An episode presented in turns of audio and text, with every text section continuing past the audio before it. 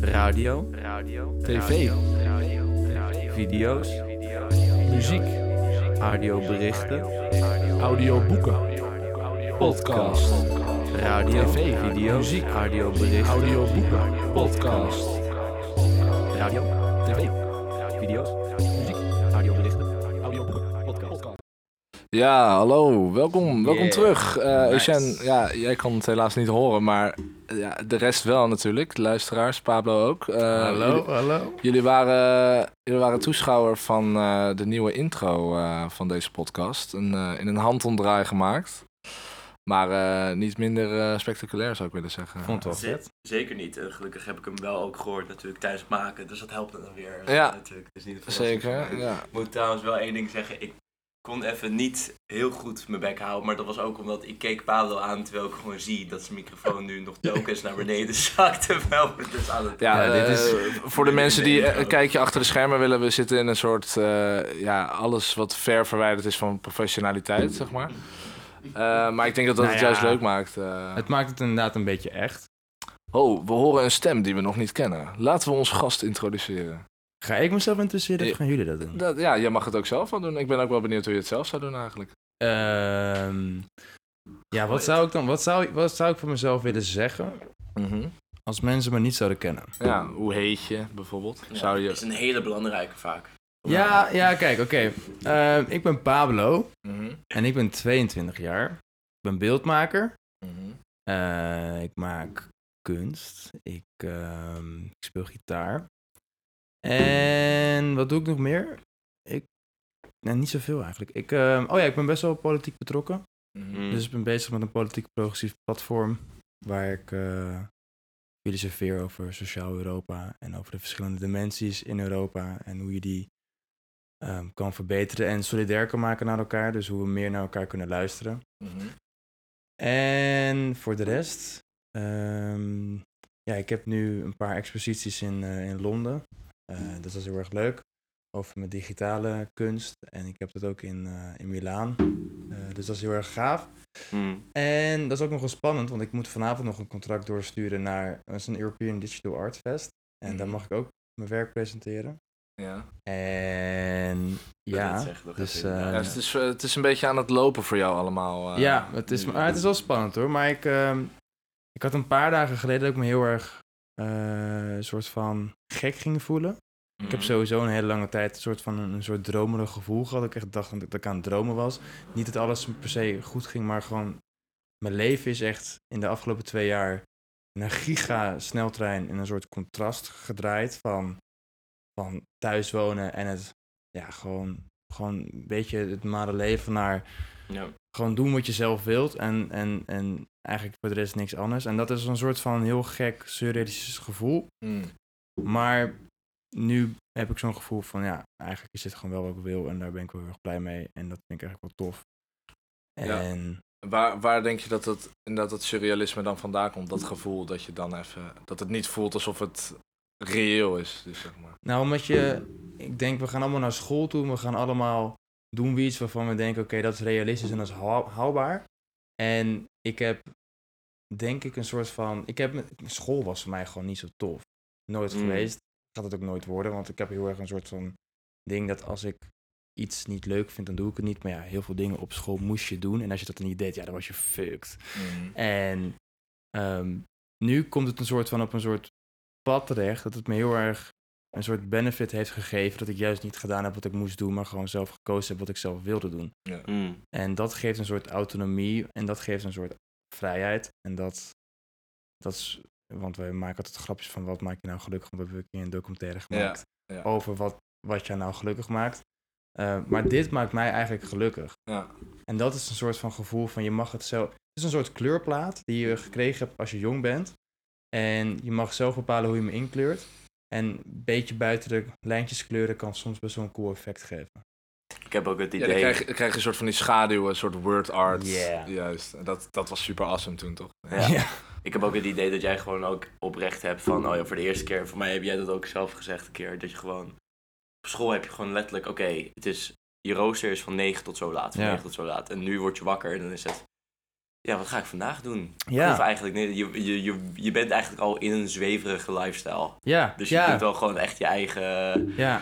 Je moet je eigen rooster gaan maken. En dat voelt zo weird, inderdaad, als je dat voor de allereerste keer moet doen. Het geeft ook een soort ehm, zelfstandigheid en ook het gevoel van, ja, maar je moet dit zelf fixen, want er gaat niemand...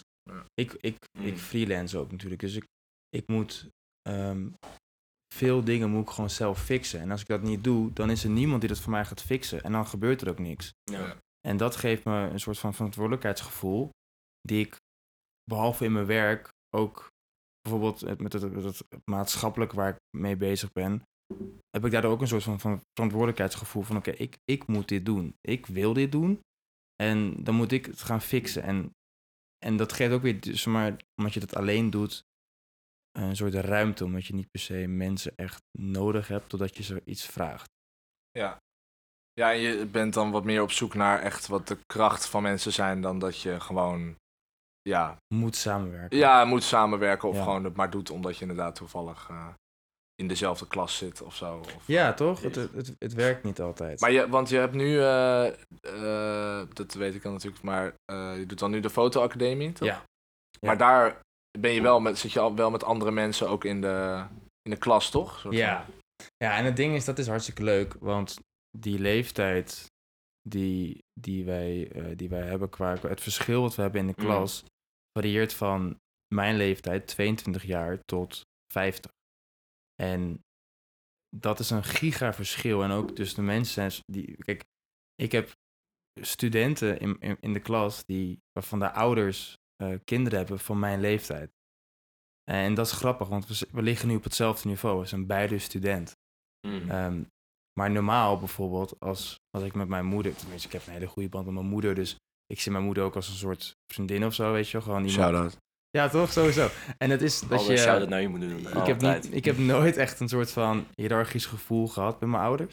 Ehm, maar wat je bijvoorbeeld in een, in, in een klas kan hebben, dat je, dat je een docent hebt of, of weet je wel, een moeder. Je, je voelt een soort van als iemand een moeder is of zo, weet je wel. Mm. Snap je wat ik bedoel? Mhm. Maar dat heb je daar niet, want iedereen is daar student. Dus je bent in principe hetzelfde, ook al is het le- de leeftijd is gewoon soms al 30, 30 jaar verschil. Maar dat heb- voel je niet of zo. Ik heb het soms juist inderdaad op de manier waarop jij het uitlegt andersom. Dus dat inderdaad iemand bijvoorbeeld 30, 35 is, maar in hetzelfde schip zit als ik. Ja, Maar iemand die dezelfde leeftijd heeft als ik en dan de een of andere CEO al is of iets anders heeft, dan heb ik meteen Ja. van, oké, we zijn leeftijdgenoten, maar ik, ik, ik kan niet goed met jou praten, man. Ja. Ik merk gewoon dat we een totaal ander, ander leven hebben. vind je dat lastig?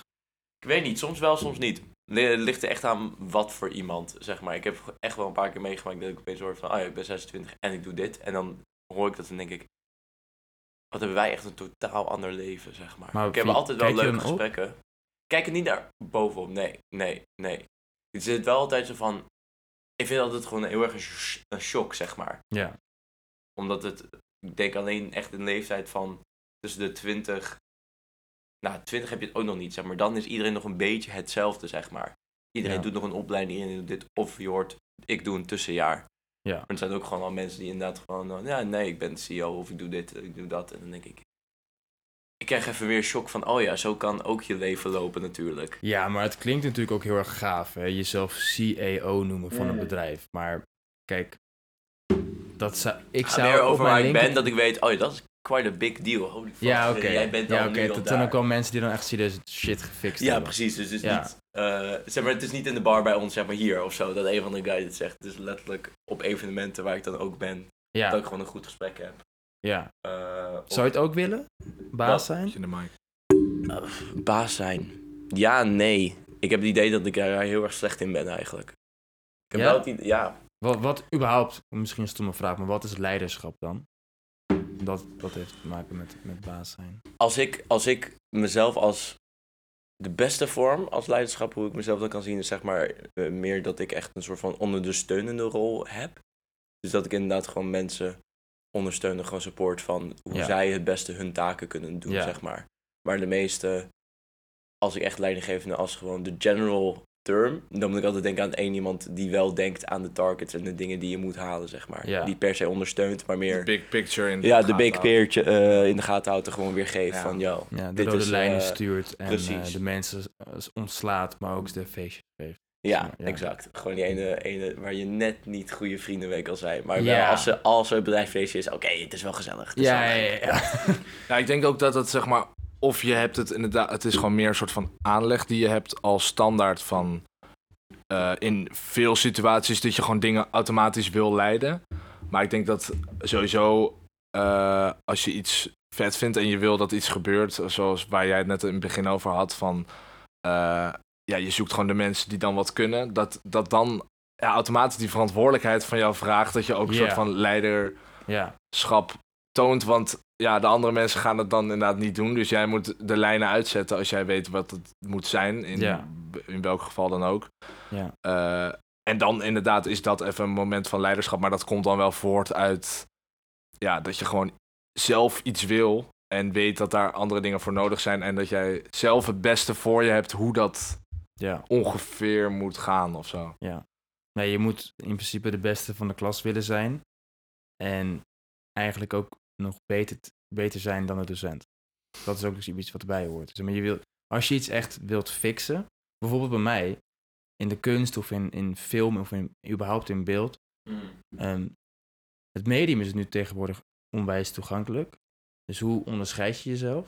Mhm. En hoe maak je van die onderscheiding ook nog een keer iets wat, waarvan je je geld kan verdienen?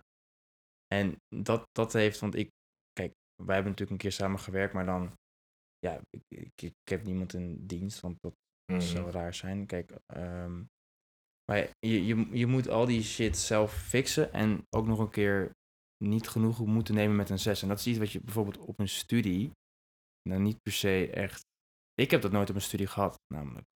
Zeg maar, en dat heeft toch wel een soort ding ook met leiderschap te maken, wat je misschien in de praktijk alleen maar ziet, is dat je, als je iets wilt doen, ehm, je, moet, je moet het keihard gaan fixen. Als je dat niet wil, als je zeg maar denkt van, misschien doe ik er nog een paar jaar over, dan, dan, dan blijft het een soort uitstel, iets van wat nooit gaat gebeuren. En niemand gaat je ook zeggen van, joh, dit moet je gaan doen, want het is eigenlijk heel belangrijk voor je. Dus je, je, je bent zelf gewoon zeggen. Altijd verantwoordelijk voor alles wat je zelf doet. Ja, het is, eh, het is ook echt een helder besef eigenlijk. Want ja, inderdaad, als ik gewoon bijvoorbeeld... Ik sta nu dan bijvoorbeeld op en ik ga niet aan de muziek bijvoorbeeld. Ik kies gewoon om, eh nou, whatever te doen. Gewoon iets anders met mijn dag. Wat, wat niet per se niet productief hoeft te zijn, maar gewoon even puur op de muziek gefocust. Dan eh, weet ik gewoon van, oké, dan kan ik ook niet aan het eind van de dag iets luisteren wat nieuw is bijvoorbeeld. Want Ja. het staat gewoon stil. Die bestanden worden verder door niemand aangeraakt. Niemand is daar verder mee bezig, weet je wel. Nee, Maar ja, op het moment dat ik wel ineens iets doe, dan, dan, creëer je ja, dan creëer je Ja. en dan ontstaat er ineens iets waar je ook later weer zelf iets mee kan doen. Ja. En Maar dat je dan... het, is, het is heel overzichtelijk daardoor van, oh nee, in- inderdaad, ik kan niks luisteren, want ik heb vandaag niks gedaan. Punt. Ja. Ja, dat is gewoon. En daar kun je dan van vinden wat je wil, maar dat is gewoon de realiteit, zeg maar. Ja, in principe kunnen ook wel andere dingen gedaan hebben. Bijvoorbeeld vandaag Ja. heb ik, ik heb niks gedaan qua... Ja, ik heb, ik heb een, bijvoorbeeld mijn dag vandaag, want daar zouden we het nog over hebben eigenlijk, hè. Mm. Ja. Ja, we gaan het, eh, we gaan nog Ehm, allemaal haakjes sowieso. Maar, Maar kijk, het ding was dat ehm, vandaag heb ik niks gedaan qua eh, ar- iets met artistieke vrijheid of, of überhaupt iets maken. Mijn dag Mhm. was vandaag, ik werd wakker. Ik, oh, ik had trouwens wel echt, mijn dag begon wel kut hoor. Ja, dat was echt koud water. Nee, ja, dat. En dat was niet eens het ergste. Ik, mijn, mijn laptop. Ehm, een paar dagen geleden kwam ik erachter dat mijn geluid uit mijn boxen, uit mijn speakers van mijn. wat gestuurd werd door mijn laptop. super raar klonk. Ik dacht van, ah shit man. Mijn kabel is kapot. Maar dat is wel, dat is te fixen. Toen dacht ik, fuck. ehm, mi- misschien is het helemaal niet mijn kabel. Misschien is het wel gewoon de, gewoon de input van mijn. De, van de AUX, weet je wel. Dus ik dacht, ik pak een andere kabel eh, met mijn koptelefoon. Dus ik dat checken, hetzelfde geluid. Ik dacht, fuck, dat is kut.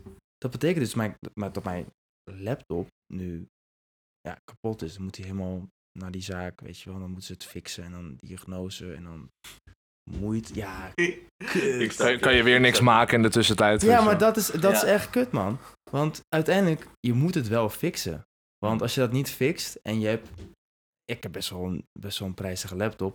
Dan wil je niet dat het een half werkt of zo, toch? maar het is wel mooi, want het is wel gelijk een test van die verantwoordelijkheid. Want het Ja. is je centrum vanuit waar je Ja, dingen maakt. Dus je oprecht. wordt gelijk soort van, oké, als je dit niet fixt, kun je ook niet iets doen. Ja, dus, dus ik belde de, belde Apple Store, bla bla bla, gezellig gesprek. Dus zij zeggen van ja, dus doe me even aan en uit. Ik jezus. Ze zijn nog net niet, leg hem even in een bak met rijst. Nee, maar, nou, dus ik dat doen, updateje, ehm, doet hij het weer. Fucking chill. Ja. Ik weet niet hoe dat werkt, want het leek echt hardware, maar hij deed het gewoon weer. Eh, maar goed, dus ik dat doen. Nou, eerste taakje gefixt, fucking nice. Toen ehm, moest ik allemaal belastingdienst dingen doen, weet je wel. Dat, dat is pas echt de test voor je verantwoordelijkheid. Dat, man. dat, dat is de test. Dat Dat, is- dat, dat, is voor jullie twee is dat te herkenbaar. eh, gewoon van, oh ja, dat moet je gewoon even regelen. Het is fucked up, want het ding is Ik dat... zie bij iemand anders ook, die ZZP'ers, die ook gewoon zeggen van, ja, ik moet dat gewoon zelf dan opeens bedenken, hoe dat dan zit. Ja. Ja. Godver, man. Ja, ik heb... Wow, wat hoorde ik? Ik hoorde een gek Ja, geluidje. updateje. Geef de meldingen. Oh, Knipper, zo. eh, knipper eruit. Maar het ding was bij mij dat ik heb daar wel een voordeel mee, want ik heb wel een boekhouder. Dus ik heb, ik heb een systeem dat heet Tello en dan eh, dat is ge- gesynchroniseerd aan mijn, aan mijn bankgegevens. Dus dan Ja. alles wat er in en uitkomt, daar, daar koppel ik dus bonnen en facturen aan. En dan maakt hij uiteindelijk zelf maakt hij een, eh, eh, een, eerste kwartaal, tweede kwartaal, derde, bla bla bla. Echt fantastisch. Ehm, dus ik hoefde dat eigenlijk alleen maar te checken. Maar dan ben je daar ook mee bezig. En dat hoort dus ook bij dat, bij dat ondernemen, eh, weet je, dat pionieren en je, je passie willen volgen. Want geloof me, je wilt geen gezeik met de Belastingdienst. Nee, dat weet ik Fucking gezeik. Ja. Dat is Ja. echt gezeik. Maar ja, dat hoort dus ook bij. Maar ik heb bijvoorbeeld niet veel gemaakt vandaag. We zijn natuurlijk vandaag aan de film geweest. Ja, Ehm, dat was cool. dat kan wel weer in, in, eh, ingang geven tot iets maken. Ja, ja, precies. Dus in principe, je bent er altijd wel mee bezig. En Je ik, bent er gewoon ehm, passief bezig in plaats van actief. Ja, ja, je ja. bent maar, gewoon dat is- andere dingen aan het bekijken. je bent wat weer eigenlijk, je, inspiratie hebt, je hebt geen 9 to 5. Nee. Zeg maar, Nee, je, maar uit eigen ervaring weet ik wel dat dat soms, soms steekt dat even, zeg maar, dat je... Of dan, dan kan je weer even niet bij het gevoel dat dat ook gewoon kan, zeg maar. Snap je? dat wat kan. Dat, dat je ook gewoon een passieve, soort passieve dag kan hebben die wel uiteindelijk misschien weer kan stromen naar iets wat actief is. Ja, ik Ja. denk dat dat ze maar jezelf ook rust geven om daadwerkelijk dan weer door te groeien. Dat is een hele belangrijke. Mm. Ik heb een best wel een periode gehad. De afgelopen paar weken gingen voor mij fucking snel. Omdat ik, ehm, nou, ik mocht, ik mag naar Londen toe in juni. Eh, toen hoorde ik van, hé, hey, eh, expositie in Rotterdam. Ja. Ehm, nou, cool. Ehm, dat wil ik ook heel graag doen. Toen mocht ik naar de Boomer Gallery in Londen bij Tower Bridge, dus echt center Londen. Mm. Ehm, dus dat dacht ik, ja, dat moet ik ook doen. Dat is gewoon heel gaaf. En toen eh, had dat ik te horen gekregen, want ik, je meldt je dan aan als kunstenaar. Hè, en dan word je geselecteerd en dan word je gecureerd en dan word je gecheckt van hé. Hey, ehm, want ze hebben echt een puntensysteem waar ze dan aan, aan, aan kijken van oké, eh, weet ik veel, waarden, die, die emotionele waarden of, of ehm, eh, ze, ze, ze kijken gewoon op verschillende punten, design, kleur, bla bla bla. Dus ik mocht daar ook naartoe. En Milaan Design Week, dat is echt wel een ding. Dus dat is super gaaf. Ehm, en ik vind het een hele erge eer en dat is ook wel een mooie stap voor mij. Maar ehm, omdat het zeg maar vier, vier best wel dingen waren voor mij die ik eigenlijk totaal niet zo goed ken, eh, raakte ik bijna in een soort paniek van holy fuck, hoe de fuck ga ik dit fixen? Want ik ken deze hele wereld niet. Ik ken de mensen ook helemaal niet. Dit is voor mij super nieuw. Ehm, maar dat is, het is wel weer heel erg een soort van satisfaction als het dan lukt. Maar al dat plannen en regelen en organiseren en zo. ehm, dat, dat, dat is heel mooi en heel gaaf. Maar het, het, het houdt je wel af eigenlijk van het maken. Want je bent je gewoon compleet aan het focussen op. ehm, hoe ga ik hetgene wat ik al gemaakt heb laten zien. Ook al wil je eigenlijk alleen maar bezig zijn met het, Met het maken. met het maken. Ja, want daar ben je eigenlijk in principe het. Dat is, kijk, ik, ik kan niet heel veel heel goed, maar een paar dingen kan ik heel goed en dat is het enige wat ik moet doen. Mhm. Maar de je moet me niet vragen hoe ik eh, een wiskundige formule ga oplossen met. eh, Nee, nou ja, het is maar goed ook dat je niet... level. eh, Ja, pff, niet iedereen fuck. kan de renaissance man zijn, toch? Eh, een soort van de alleskunner of zo. eh. Nou ja, kijk, ik kan wel dingen, maar dat zijn wel dingen die ik zelf heel cool vind. En de rest kan me echt. Dat- Ja, dat kan ik leren. Maar het is juist vet. Ik vind het ook heel vet als je gewoon iemand tegenkomt die gewoon iets soort van ergens diep in zit waarvan je denkt, ja, ik wist niet eens dat je hier diep in kon zitten. Of althans, ik heb er niet gerealiseerd dat je hier diep in kon zitten. Bij wijze van spreken, iemand zit in, de, in het maken van messen of zo. Ja. Dus Zo'n hele art to messen, weet je wel. En Ja. elke keer als je weer zo'n soort van box open doet van... oh, dit kan ook weer iets Ja, zijn waar man. mensen in kunnen zitten. En dan zitten daar inderdaad ook vet veel mensen in. Dan Ja. Is dat weer vet en is dat weer iets waarvan je denkt... ah ja, dat is, opent gewoon je wereld weer wat meer.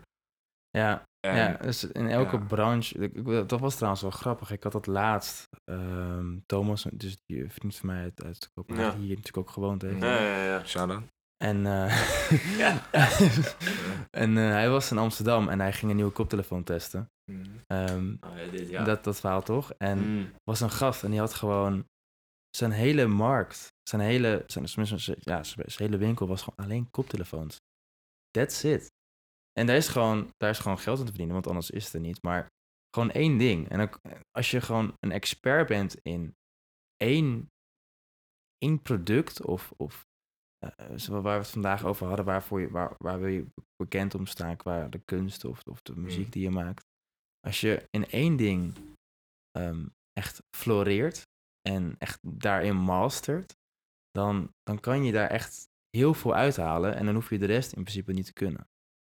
Denk ik. Ja, maar wat, wa- even om te koppelen naar, eh, naar jou, eh, zeg maar, hoe is dat dan bij jou? Want je zegt dan van, je bent dus na beeldmaker, je doet soort van dingen wel door elkaar. Daarvan zou je dan kunnen zeggen van, ja, is dat, zit daar dan die focus in? Of heb je, ja, heb je dan misschien voor jezelf niet die standaard per se, dat je denkt van, ik wil juist gewoon nog allerlei dingen doen en soort van daar nog een weg in vinden? Of, eh, Ehm, ik denk dat, als ik dan voor mezelf spreek, ik denk dat kunst een uitlaatklep is van. En door je te beperken tot een bepaald medium van de kunst, ehm, zou ik mezelf blokkeren. Want als ik denk dat ik een verhaal beter kan vertellen door een, een kleine documentaire te maken of een shortsfilm, ehm, in plaats van een, een, fo een fotokunstwerk of een, of een digitaal kunstwerk, waarom zou ik het dan niet gewoon doen zoals ik het wil? Het moet, kijk, het moet je niet belemmeren. En ik denk, ik, ik ben 22, ik ben misschien ook in een zekere zin nog zoekende naar wat echt mijn medium is. Ehm, maar ja, bijvoorbeeld een Anton Corbijn, dat is, dat is een fotograaf geweest. Maar hij heeft ook, hij heeft ook films gemaakt.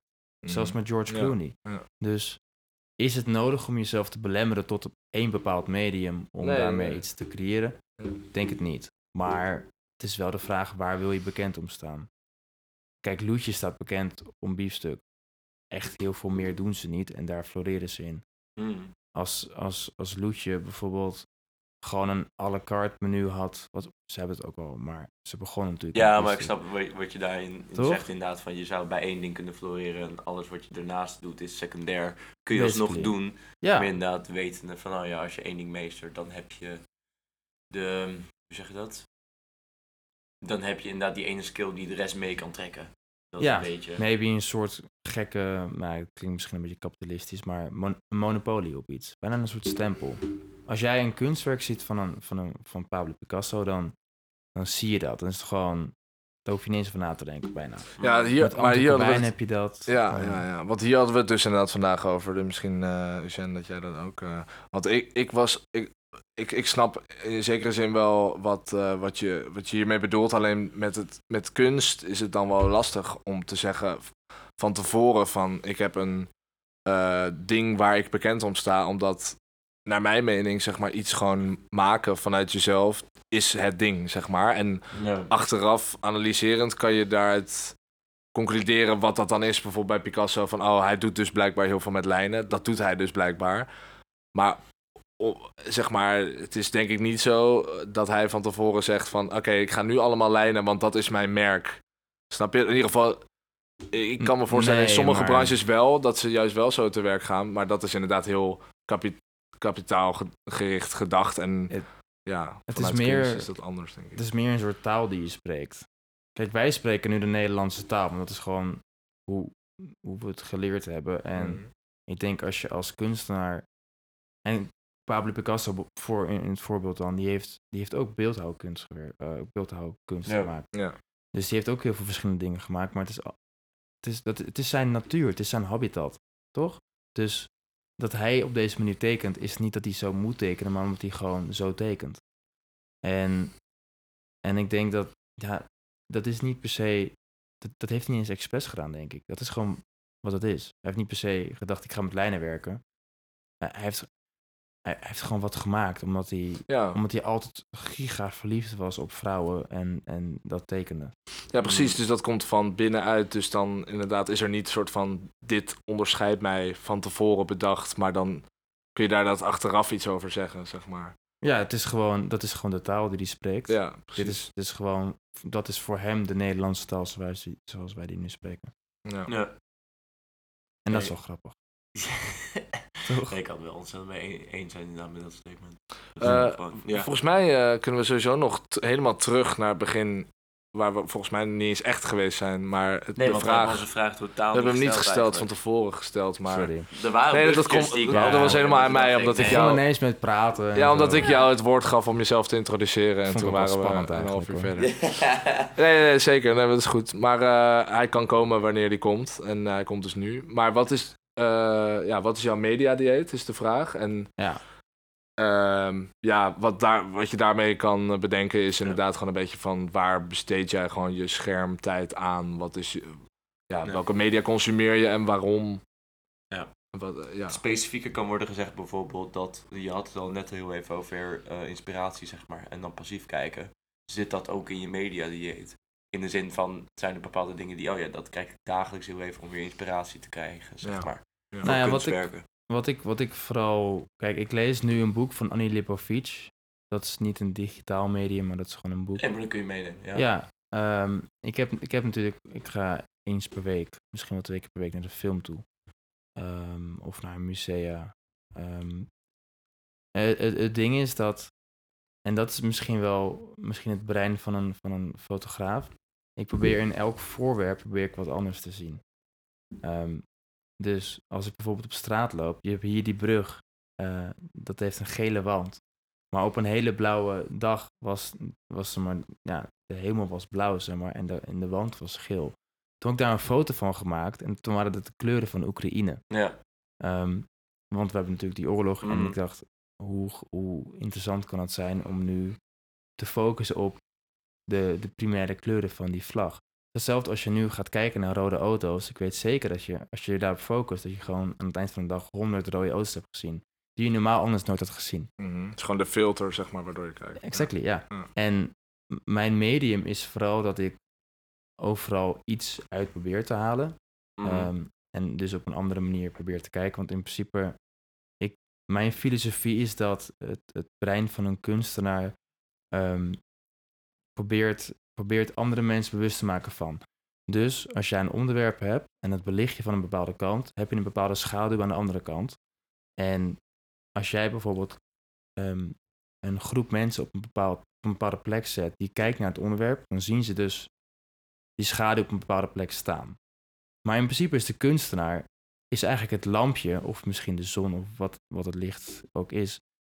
En die, die verplaatst het licht om het onderwerp, waardoor de schaduw verandert, waardoor het perspectief ook verandert van de mensen waar, waarvan ze kijken.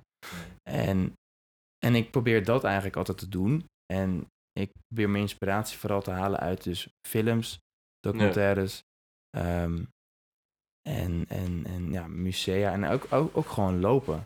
En ik, ik denk heel veel. Eh, niet dat ik zeg maar een meesterbrein ben, maar ik, ik, ik ben gewoon Mm. continu met mezelf. Zoals jullie ook met jullie zelf zijn. Ja. ja. Ja. En ik, ik probeer gewoon eigenlijk altijd ehm, anders na te denken of zo. Ik probeer gewoon andere dingen te zien. Dat is misschien wel een soort van focus waar ik nu op leg. Ja. En ik denk ook de mediums dan, ja, films, filmhuizen. eh is misschien Ja, het klinkt als weinig digitaal namelijk ook. Want je, het zijn ook filmhuizen. Het is niet dat je het... Ik eh, kijk geen Netflix. Nee. Dat is wat ik bedoel. Dus eh, Nee. het is echt bij de filmhuizen zelf ook Ja. al. Ja. Met extra ervaringen erbij, zeg maar. Ja, want het is een beetje hetzelfde als analoge fotografie. Ehm, het, het, het product heeft één functie. En waar we het in het begin al over hadden, als iets één functie heeft, heeft het vaak een, een grote waarde dat het iets heel goed kan. Ehm, als ik naar een filmhuis ga, dan is de kans dat ik een half uur lang op mijn telefoon ga kijken en dan vervolgens naar de film kijk, gigantisch klein. Want je, je, je bent heel bewust van je gaat naar een film toe, je gaat daar zitten. En je gaat daar naartoe kijken. Want dat is, je gaat niet een half uur of een kwartier, hoe lang je ook nodig hebt om naar de film te gaan. Ga je niet kwijt zijn om dan vervolgens daar op je telefoon te zitten. Dus je Ja. moet wel naar die film kijken. Ehm, vandaag keken we een film ging over abortus. Dat was, soms deed ik wel mijn ogen dicht, want het was gewoon ja, best wel goor. Oké. Ja, nee, nee, het was, het was gewoon, nee, niet dat abortus goor is. Gewoon Nee, het was eh gefilmd. Nee, je- De film heet Live in the Mall. Happening in het Engels. En eh, eh, ja, het is inderdaad, het laat, eh, het laat veel zien, maar dat is ook een beetje de, het punt van die eh, film. En eh, Het is Ja. heel mooi en het was heel Ja, erg, ja. heel erg kwetsbaar. Ik vond de film heel erg, ik vond hem heel erg diep. Ik vond het super boeiend, maar eh, ja, die vrouw die zat met een, met een eh klerenrek ja, in de, Ja. die Ja. abortus te plegen, omdat ze, ze woonde, ze leefde in 1960. do it en- yourself abortus. Ja, Ja. kan je bij de Ikea kopen. Van, eh, Heftig. Nee, maar ehm, dat, eh, dat was gewoon heftig. En toen deed ik even mijn ogen dicht. Maar Ja. ja, het is gewoon, Maar, maar eh, zeg maar smartphone, want jij hebt een smartphone, ja. toch? En- wat, eh, wat, wat, wat, kon, wat ja, je kan het ook bijpakken, maar weet je, uit- weet je van jezelf wat je daarop vaak gebruikt? Wat waar?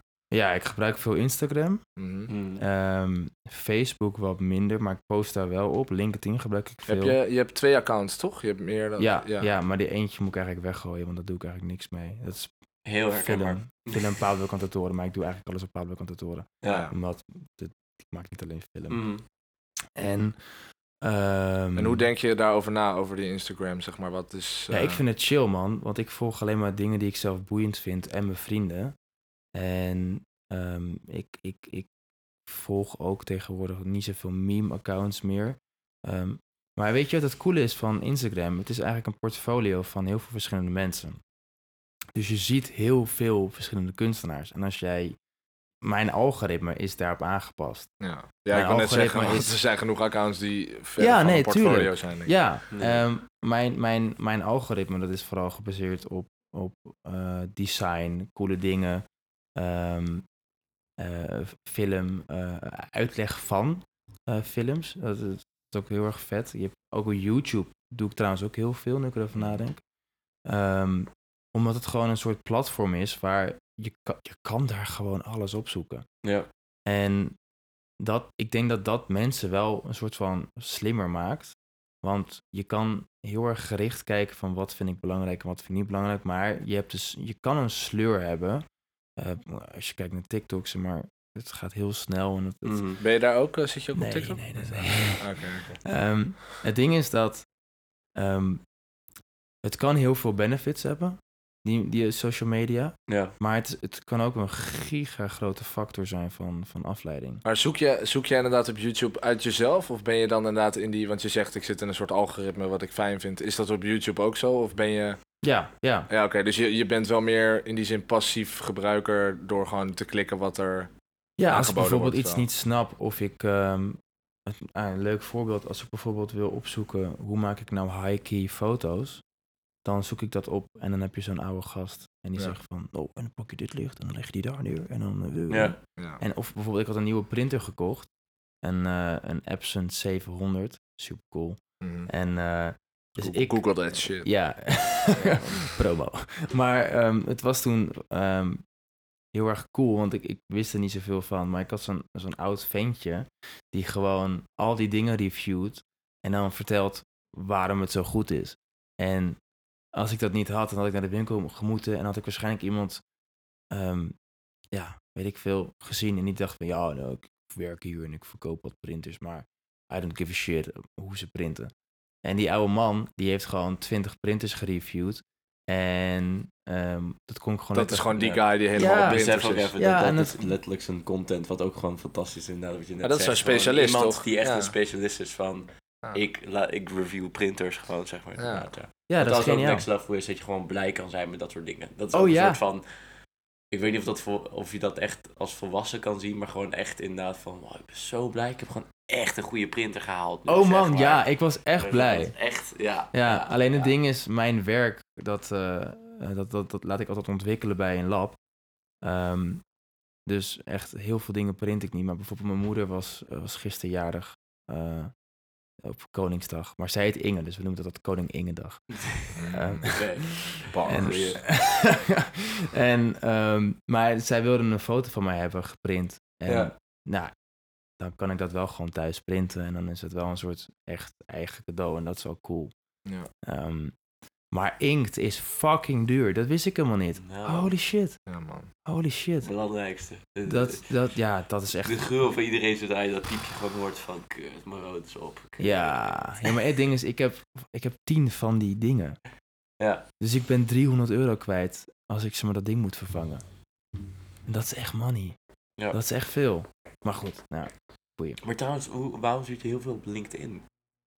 nou ja, daar, daar- gewoon, ja, de zakelijk medium toch? Ja. Ja, daar... Nee, ik vroeg me af, omdat zeg maar, in, dus, ik weet niet, hebben, we- hebben, voor mij hebben we vaker mensen gehad en die hebben nooit echt LinkedIn gezegd. Dat die zeggen, ja, Ja. ik gebruik eigenlijk Instagram als, wat je net zegt, als Ja. een portfolio. Dus Ja. daar heb ik ook altijd al mijn contact op. ja, Maar jij hebt dus wel inderdaad nog wel een zakelijk ja, eh, contact op LinkedIn. ja, ja, ik was bijvoorbeeld Daarom laatst... Ja, nee, goeie. Ehm, kijk, het ding is, ik had laatst bij de, zo'n zo'n project eh, van een Noorse fotograaf ehm, in Amsterdam. En die, die, die fotografeert al 26 jaar over de, de verandering van het klimaat. Ja. Maakt, het, maakt zo mensen bewust van. eh, op een hele cinematografische, mooie fotomanier. Het is heel gaaf. Cinematografisch is het eigenlijk niet, maar nou, het- hij had, hij- in principe in een zekere zin wel, want het waren echt die cinematografische eh, kaders. Ja. Ehm, maar- shots gewoon. ja, echt heel gaaf. Ehm, maar daar was dus de Noorse en de Nederlandse ambassade. En die sprak ik toen. ehm, super interessant. Eh, eh, gewoon heel cool. En, en nou ja, die ga je niet toevoegen op Instagram. Toch? Dat- nee, Maar die hebben sowieso wel Instagram, denk ik. weet ik niet. Maar ik ga niet iemand Ja. van buitenlandse zaken een DM sturen.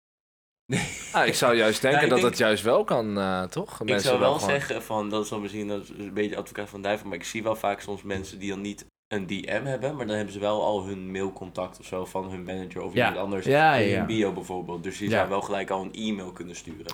Dus dan heb je natuurlijk weer dat zakelijke contact, Fair. maar wel een, online portfolio op Instagram natuurlijk. Ja, ik snap jouw punt ook, Maar, zeg maar. het is gewoon goed om, want op LinkedIn, ehm, ja, dat is hetzelfde met Twitter.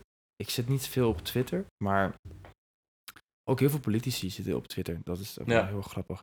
Ehm, maar dat is ook zeg maar zo'n zo'n zo'n hol waar als je daar dan induikt, dan gaat echt een, een wereld voor je open met... Een negatieve wereld. Ja, weet niet. Kijk, ja, het is... Dat, ja, die mensen zitten gewoon daar, weet je. Kijk. Mark Mm. Rutte zit op Instagram, want die moet natuurlijk toegankelijk zijn voor iedereen. Ehm, maar veel andere mensen uit de politiek of, of ehm, nou, überhaupt zakelijke mensen, LinkedIn is daar gewoon het medium voor. Dat is gewoon afgesproken. Bijna een soort van. Het is nice. Ik doe er niet heel veel mee. Maar af en toe, als ik een. eh, ben nu bezig met een project om ehm, kunst in te zetten. En ehm, daarmee dus bomen te Ja. planten. Dus de, de winst die ik haal uit het, uit het kunstproject, wil ik dan bomen mee planten. Ehm, en dat doe ik dan ook wel op LinkedIn. Want dan heb je toch. Dat gaat dan toch via een andere weg of zo. weet je. Nee, het is een ander netwerk. Ja, want je ja. vrienden zitten op Instagram. Maar je, Ja. eh, als je je vrienden hebt op LinkedIn, dan voelt het toch al zakelijker, zeg maar, of zo. Ja, het is gewoon nodig, denk ik. Ja. Ja. Dus dat is een beetje mijn, eh, mijn eh, dieet, mijn eh, medium. digitale medium. Hoeveel uur per dag denk je dat je eraan spendeert? Ehm, ja, je hebt daar gewoon bij, bij tenminste, je telefoon. Je kan Ja, checken. ja, ja, je kan checken. Je mag checken? de En expo. volgens, mij, checken. volgens mij was het vier uur of zo. Ja, ik heb de mij. Ik, ik ben ook ongeveer 4, 4,5. Dat is fucking veel. Als je Ehm, hoort wat sommige andere mensen hebben, is dat echt heel heftig. Want ja, man, 4 valt volgens mij best mee. Ja, maar je moet wel altijd gewoon naar je eigen shit kijken, toch? Ja, Want, ja, eh, ja, ja, 100%. zeg maar vier is nog steeds fire. Als je dat fire vindt, in ieder geval is het fire. Ja. En je gaat altijd je eigen... Ik hoor het zelf soms, denk ik het ook. En dan check ik en dan denk ik... Ja. Ja, maar... Ja, oké, er staat wel YouTube, maar dat is dan eigenlijk... En dan Ja. is het gewoon... Het is gewoon Kan je, schermtijd. kan, dus je, kan, ik kan jou één excuus geven die ik in kan gooien op mijn 5 uur. Eh, ik werk natuurlijk nu ook als bezorger, dus ik gebruik heel veel Google Maps.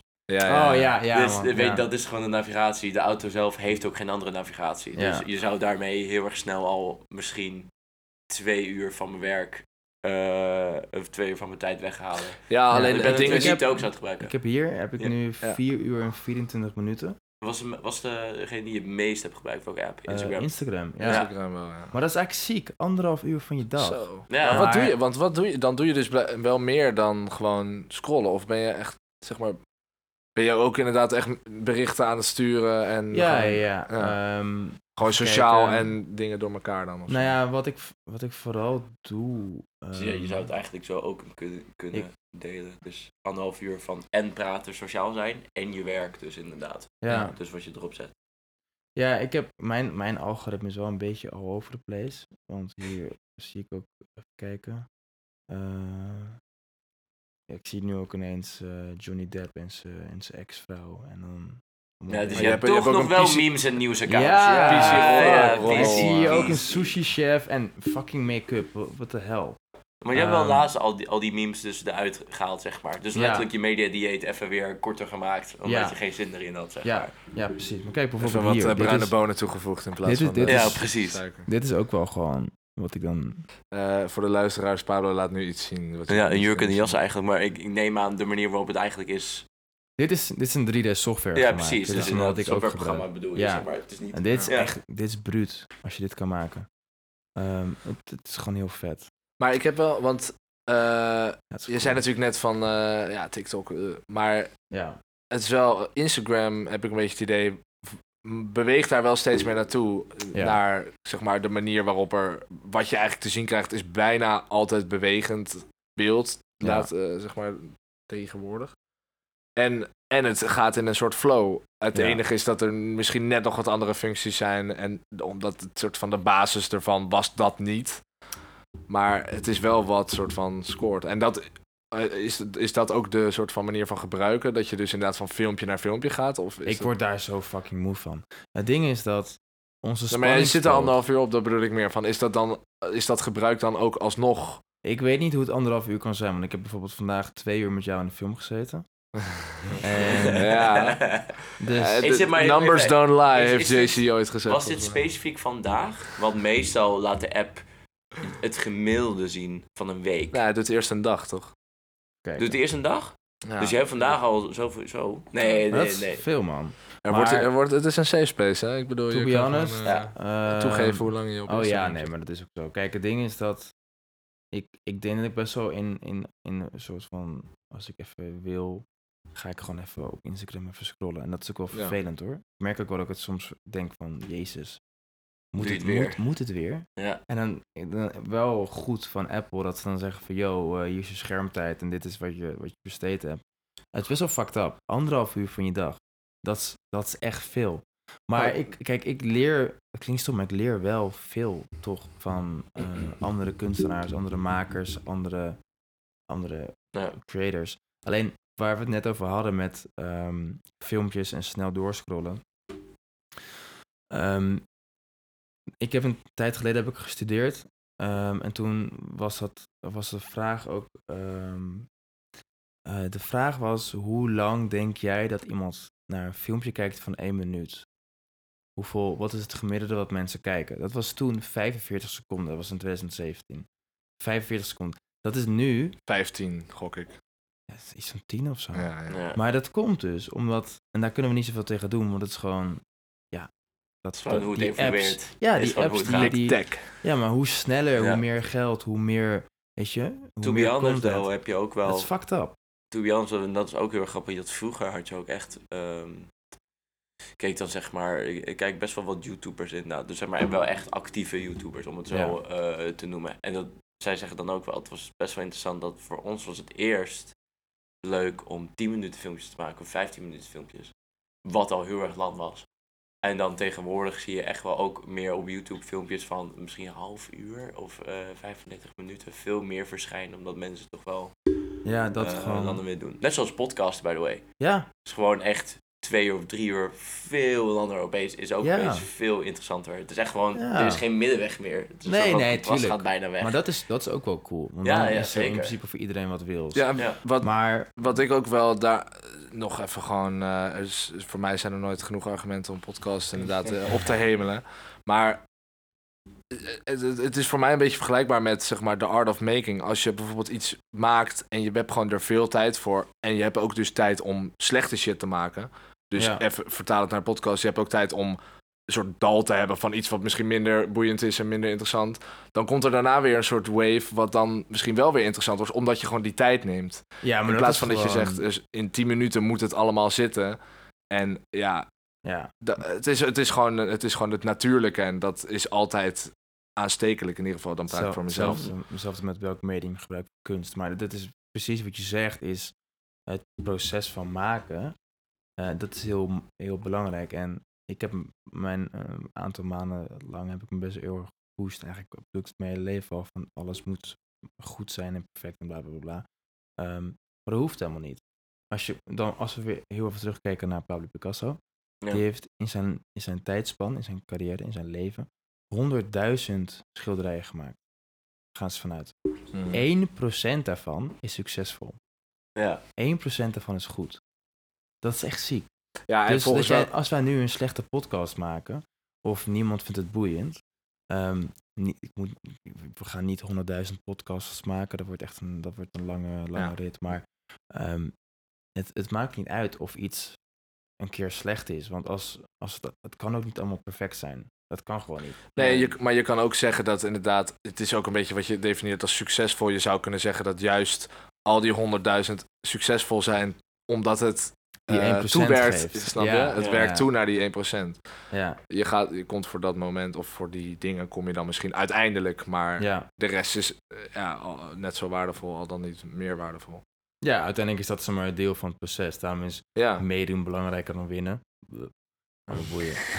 Het is gewoon hoor- belangrijk om te winnen, jongens. En dit is zo leuk dat, zeg maar, hij begint ermee met, ja, van weet je, die andere 99% heb je ook nodig. Om dan vervolgens te eindigen met, ja, meedoen is belangrijker.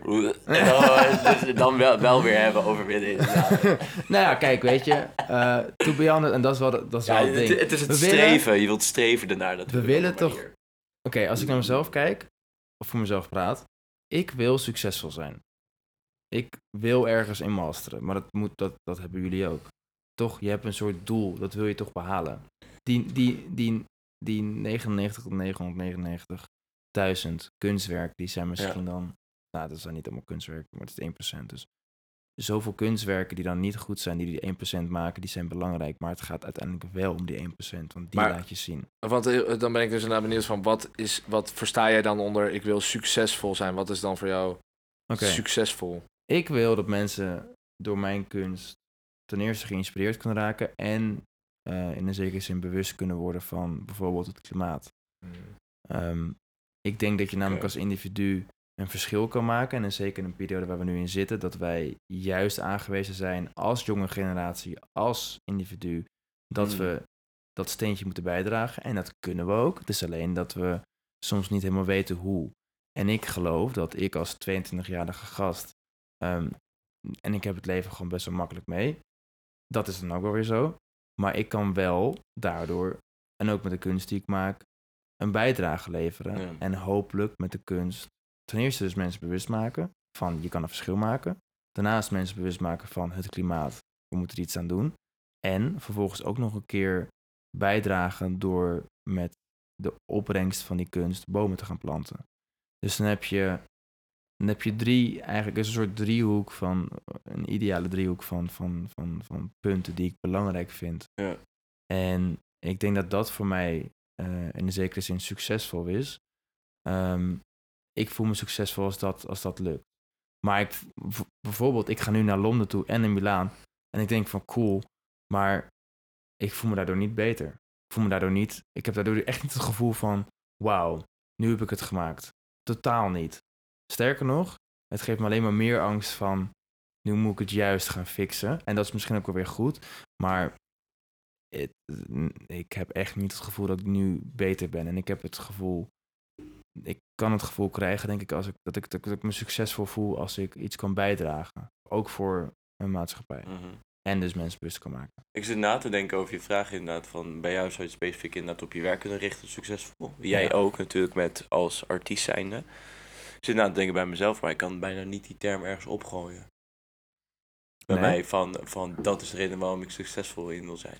Bijvoorbeeld, kijk, ik wil wel gewoon mijn opleiding halen, maar ik vind het niet, je noemt het niet succesvol als je je opleiding hebt gehaald. Nou ja, Nee, ik ga nooit Dus zeg maar, je bent wel blij, je kan vieren en dit en dat, maar ik bedoel, het is niet, ehm, meer bijzonder als andere mensen die het ook halen, zeg maar. ben Het is de- meer van... Ja. Nee, maar het gaat om je eigen definitie van succesvol. Ja, ja, toch 100%. zeg maar, jij succeert, su, succeert? Ja, Succeert? ja, ik Dus ja, jij succeert in het feit dat je de opleiding Ja. ha- haalt. Zeg ja, maar dat is Dus je dan- persoonlijke doel en dat is ook goed. ja, Ja, maar dat is wat ik bedoel, zeg maar, belangrijk kan voor je niet- is, het goed. Ik, ik kan alleen maar zeggen van, ik zou nooit het woord zelf daarvoor gebruiken. Ik zeg niet dat het slecht Ja. is, want ik ben juist fucking blij als ik het heb, inderdaad. Ja, sowieso. Maar- Moet je ook zijn. Ik zou bijna niet zeggen van, oh ja, nu ben ik succesvol. Ik zou je denken, hey, top, dat is binnen eh, de Ja, volgende stap. Ik zou niet zomaar de term succesvol kunnen gooien op iets in mijn leven. Dat ik zeg van, oh ja, dat moet het zijn, zeg maar. Nee, ik bedoel, ik ga denk ik nooit. Ik zit nu op de fotoacademie. Ik weet niet of ik het afgemaakt. Weet ik nooit. Ja, Ik, ik doe het ook niet voor een papiertje, want dat heb ik, ik heb daar niks aan. Ja. Want ik zal nooit voor iemand anders werken. Maar ehm, buiten, buiten mijn bullshit. Maar voel jij je nu succesvol? ik voel me zeg maar, de, de- zeg maar ook nog, eh, sterker nog op vandaag, ik voel me zeg maar goed. In de zin van als het gaat over leven, van nou, ik voel me niet, het gaat helemaal niet de verkeerde kant op of zo. Ik heb af en toe wel tegenslagen, maar Ja. ik ga er wel altijd gewoon goed doorheen. En eh, zeker vandaag, want het is eigenlijk heel erg toevallig vandaag. Vandaag eh, is het een jaar geleden dat ik mijn rijbewijs heb gehaald. Ja, ik zag Dat, dat. le- Nice. dat was letterlijk een ding ja? wat heel lang voor mij was. Ja, Ja. ja. Gewoon, gewoon echt, dat heeft... eh je moet nadenken, ik heb het dus op mijn ja, 25e gehaald. Ik begon op mijn 18e. Dus dat is echt zeven jaar van ja. gedoe. Wat Ja, dan opeens weg is. En dan. Ja, da- daarvan wel- kan ik wel ja. zeggen van... Oh, ik ben eindelijk succesvol en ik eh, rij voor mijn werk. Ja, maar dat valt dan gewoon van je schouders af. Ik zou alleen niet succesvol kunnen zeggen van... Oh, ik ben echt goed in rijden. Nee, maar ik heb gewoon iets Nee, maar gehaald inderdaad. Daar ben ik gewoon fucking blij mee. Ik denk dat ehm, dat is ook niet belangrijk of je Nee. goed. Nou ja, het is wel als je Beetje. goed ja, het is, weet je, het is wel fijn dat we dan Ja. dat goed kunnen als we het uiteindelijk gaan. Je zou verwachten als je het haalt dat je iets van... eh, Heel succesvol zijn rijbewijs gehaald, heel succesvol de auto in de prak gereden. Ja, precies. Kijk, als, als dat het doel was, heb je het gewoon Ja, gehaald. ja. maar het ding is dat, kijk, buiten dat, want dat boeit, dat boeit niet. Je hebt het Mm. gehaald en die, die last, die is van je schouders. En ik denk dat het daarom gaat. Ja. En ik denk dat dat, want het is- daar, maken, zou ik het inderdaad- altijd grapjes over, maar Ja. dat maakt je wel gelukkig. Dat zou ik, maar dat zou ik eerder noemen als in echt van... Hé, hey, ik heb mijn doel behaald, zeg maar. Ja, Maar om zomaar de term te zeggen... Oh ja, super succesvol. Dat zou Ja, ik maar dan is het een beetje Dat is meer wat ik bedoel. ja, dan is eerder de vraag, hoe definieer je dan het, Ja. eh, überhaupt het woord succesvol? Want Ik zit gewoon niet in een bepaalde fase in mijn leven... zodat ik denk van... Oh ja, daar kan ik het goed aan koppelen, bijvoorbeeld. Maar heb ik jij heb niet... niet een specifiek werk... of eh, iets op school of iets anders als hobby of carrière... waar ik letterlijk kan zeggen... Oh ja, daar kan ik het op gooien, zeg maar. Want heb je niet een soort... Ik heb, ik heb namelijk bij mezelf heb ik een hele erg gedrang. Dat als ik dit niet Ja. haal, dan... dan ja, dan ik heb wel heel veel doelen, dat heb ik wel. En daar zit wel heel erg een, een drive achter, zeg maar. Ja. Wat is een doel, bijvoorbeeld? Ehm, wat zou een doel zijn? Nou, ik heb gewoon een paar doelen die ik echt oprecht... eh, Ik wil nog heel graag eh, door een andere podcast... Het is een soort van eh horrorpodcast, was het Brand in het Landhuis. Wil ik heel graag naar de plek waar dat was gebeurd. Dat heet Sionsburg, is ook een, zeg maar, een soort van paleis. Nou, kun je morgen heen. Precies, kijk, weet daar wil ik gewoon nog heen, zeg maar. ja. Het zijn ook bijvoorbeeld eh, zoveel eh, euro op mijn spaarrekening. Zeg maar, maar dat zijn echt concrete Ja, heb je voorbeelden. een financieel doel? Ik heb wel één, gewoon meer voor, voor mezelf, omdat... een beetje achtergrondverhaal, maar ik vind het gewoon chill om te weten van... Hé, hey, dat is er, zeg maar. Ik vind Maar- het chill dat ik dat doel heb gehaald en voor de rest. Mag ik weten wat je doel is? Is het zeg maar echt een... Eh, Het is niet, het 1 is niet, nee, het is niet veel. Het is, zeg maar, het, het is maar één financieel doel, inderdaad. Ja. En dat is gewoon mijn spaarrekening hoger maken. Tot een bepaald bedrag. Maar Waar- is dat een ton? Is dat 10.000? Eh, dat is 5000. 5000. Oké. Dus het valt mee. Dat is- valt ja. Maar gewoon meer van, er stond eerst heel veel op. Toen is er, nou, gewoon na een landtijdperiode, waaronder ook rijbewijskosten, Ja, heel ja, veel van afgegaan. Ja. En daardoor denk ik gewoon van, hé, hey, ik wil het gewoon nu terugverdienen, zeg Ja. maar. De, eh, en ook dan Ja. met rijden. Zeg maar, dat soort Ja. dingen heb ik dan wel. Cool. eh, als cool. drives. Ja. Want jouw baan is nu? Eh bezorgd bij Takemundo. Ja, nice. Precies. Waar ik vaak genoeg ook nog in de flat ben. Wat ook heel erg grappig is eigenlijk. Want, want sowieso als ik dan ergens in de lift sta, dan wat ben je doen? Ja, werken man. wat? Dus ja, Nice. Ja. Ja, dat is cool. ja, zeker weten. Ja. Ja, maar ik kan, ja, ik kan niet anders zeggen. Want ik neem aan dat je ook wel soms... Succes is niet de enige reden waarom je natuurlijk alles maakt. Er is ook nog een andere drive, een andere passie van je. En dat je zegt van, ah, Ja, ik wil ik- dit gewoon doen voor mijn lol. Of, Ik kan niet Iets wat anders. ik doe. Toen ik in isolatie zat, heb ik die digitale kunstwerken gemaakt. ja, En toevallig, ja, ik- Toevallig werd het ook gewoon een hit. Ja. nou, niet per se een hit, maar meer van het wordt wel in een zekere zin geaccepteerd door galleries. En, maar dat komt ook omdat ik dat nu opzoek. Dus ik mail ze en ehm, bijvoorbeeld, en ik ben in een zekere zin ben ik ook een beetje eh, brutaal. Ehm, wat me in een voordeel helpt, want ik had dus die expositie in Londen in mei. En ze zeiden van ja, we hebben twee stukken van je gecureerd. eh, die we goed genoeg vinden. Dus ik had ze gebeld. Ik zeg ja, spijt me, maar als je, als je de twee cureert en je neemt de andere twee niet mee, dan kom ik niet. Mm. En toen heb ik gewoon heel erg gedaan alsof ik super belangrijk en tof ben. Wat ik helemaal niet ben. Maar dat heb ik gewoon gedaan. Ik zeg, ja, het is wel Ja. leuk en aardig met je.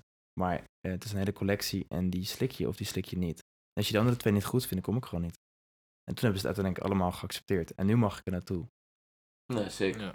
En, en ik, weet, ja, ik weet niet. Dat, Hoe zat je zelf aan de telefoon dan? Want dat eh, komt dan wel opeens out of nowhere eruit, zeg maar, bij je. Dat je denkt van, Ja. oh god, het had ook zomaar kunnen zijn dat ze zeggen, ja, je komt nou, dan, maar niet. Ja, Weet je wel, dat. We- ja we- nou eh, dan, dan is dat zo. Dan denk ik van ja, weet je, dan ehm, flikker dan maar op.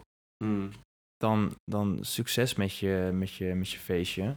Ben ik, ben ik er gewoon niet. Ja, en dat is niet dat, dat zij dan denken van, oh nee, Pablo is er niet. Want dat boeit ze ook helemaal geen ene fuck. Want ik ben ook maar een gast uit Amsterdam. Ik bedoel, who the fuck knows me?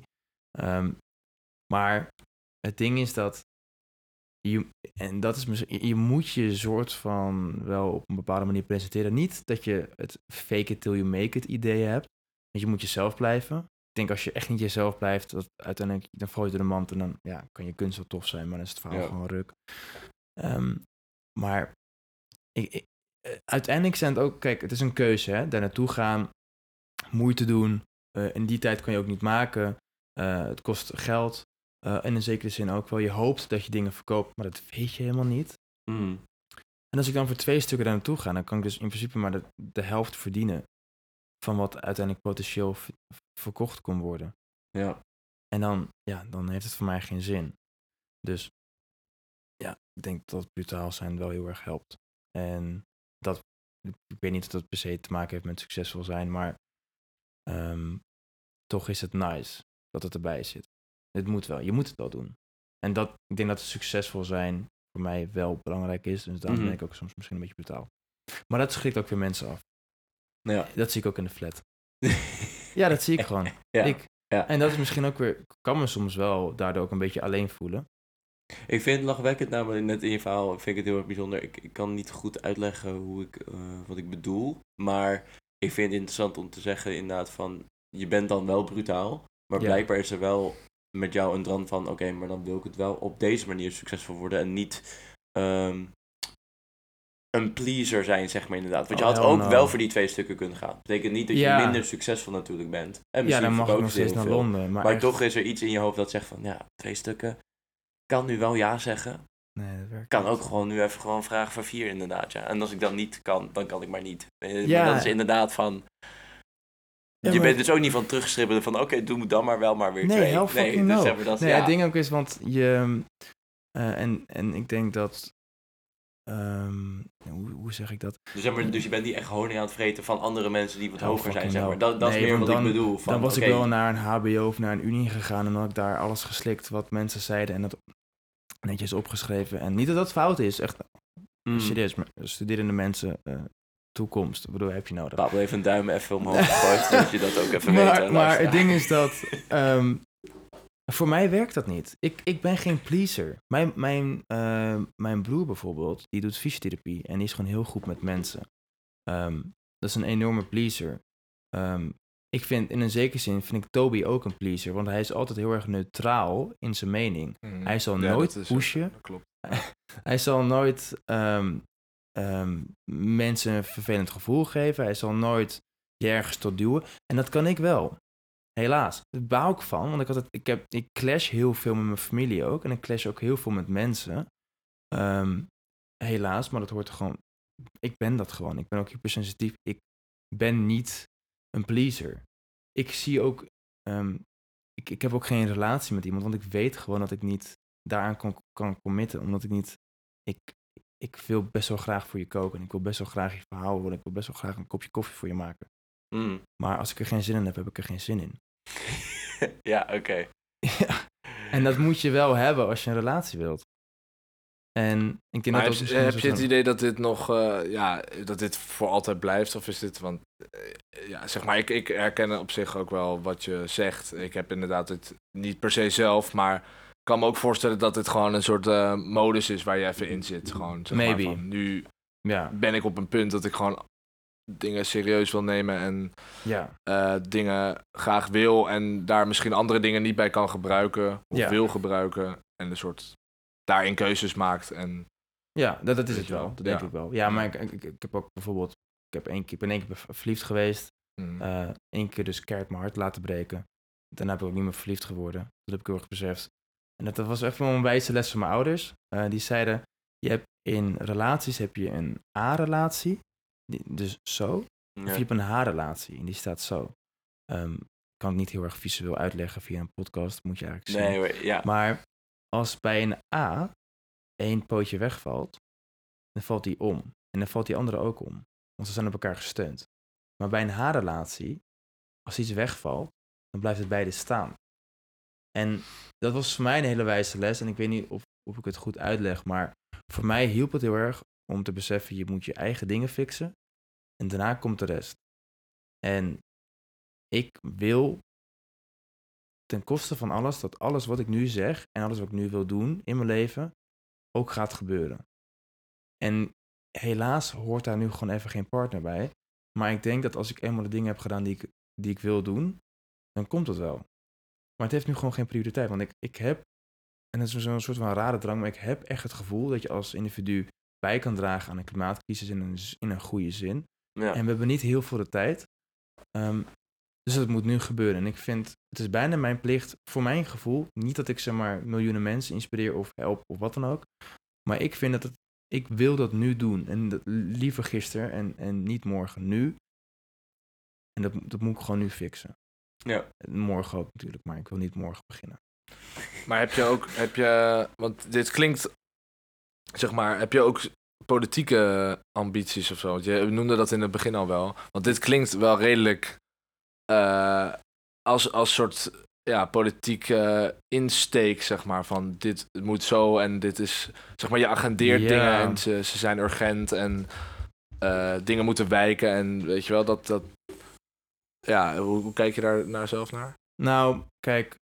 ehm, kunst is in mijn ogen een communicatiemiddel van. Dat is precies, dat is wel grappig, want er is een ontwerpbureau wat ehm, bijvoorbeeld voor de Rijksoverheid eh, alle kleurcodes en alle designs heeft ontwikkeld. Het, staat op YouTube trouwens, heel Ja. grappig. Onze communicatie van, eh, van bijvoorbeeld de Belastingdienst, een blauwe brief, of ehm, eh, wat dan ook. Ik weet niet hoeveel kleuren hebben we, heel veel verschillende, maar die zeggen allemaal, die kleuren zeggen wat. Mm, En eh, op dat vlak is kunst, dus de communicatie, het communicatiemiddel, is daar giga belangrijk voor. Ik zie mezelf geen beleid voeren. Ik zie mezelf ook niet in de politiek zitten, maar ik zie mezelf wel bepaalde thema's communiceren naar andere mensen aan de hand van kunst. En dat progressieve politieke platform, dat is opgericht door uh, Kisa Magdena, dat is een eh, schrijver van de NRC. En die heeft me toen laatst benaderd, want die had mijn eh, documentaire gezien en die zei van... ehm, ik, ik weet niet waarom, maar ik, ik, moest, je gewoon, ik moest je gewoon spreken. Dus eh laten we alsjeblieft een keer koffie drinken. Ehm, het, dat is eigenlijk wel heel leuk, want ik, ik zei het ook laatst tegen hem. Het is eigenlijk een soort bijna een coach voor mij geworden, omdat hij... ehm, hij- is ook een, een persoon, een, individu. eh, hij is schrijver, hij, is natuurlijk een filosoof. Dat hoort er een beetje bij misschien. Ehm, maar die, gaat, die, heeft natuurlijk, die is nu 30. Hij is iets ouder dan ik. Hij is acht jaar ouder. Maar daardoor heeft hij al een paar dingen eh, met, met zich meegehad eh, die, die hij tegenkwam in zijn leven. En dat, Mhm. ik kom nu ook soms gekke dingen tegen. En dan eh, kan ik aan hem vragen ehm, hoe ik ergens mee moet dealen of wat dan ook. En ehm, dat progressieve platform, dat gaat gewoon over... Dat zijn gewoon schrijvers die, eh, en filosofen of mensen in de politiek die gaan kijken naar bepaalde dimensies in Europa. Dus eh, het culturele, het financiële, juridische vlak, eh, combinaties van. En dan ehm, ga- gaan ze kijken hoe dit beter kan. Ehm, en dat is heel boeiend, want daardoor leer ik heel veel. En ik mag ik mag dat communiceren aan de hand van beeld, aan de hand van kunst, aan de hand van fotografie. En hij, heeft- hij heeft ook laatst gezegd van ja, ehm, jij mag dit vormgeven en ik ga me hier niet mee bemoeien. Ehm, dat mag jij doen. En ik mag mee filosoferen en we hebben een podcast, een pakhuis te zwijgen in juni. Ja. Ehm, wordt, dus het wordt echt een gigadrukke periode nog steeds, maar eh, super gaaf en super interessant, want daardoor leer ik heel veel mensen kennen. En dat, het, dat project is gekoppeld aan het wetenschappelijke bureau van D66.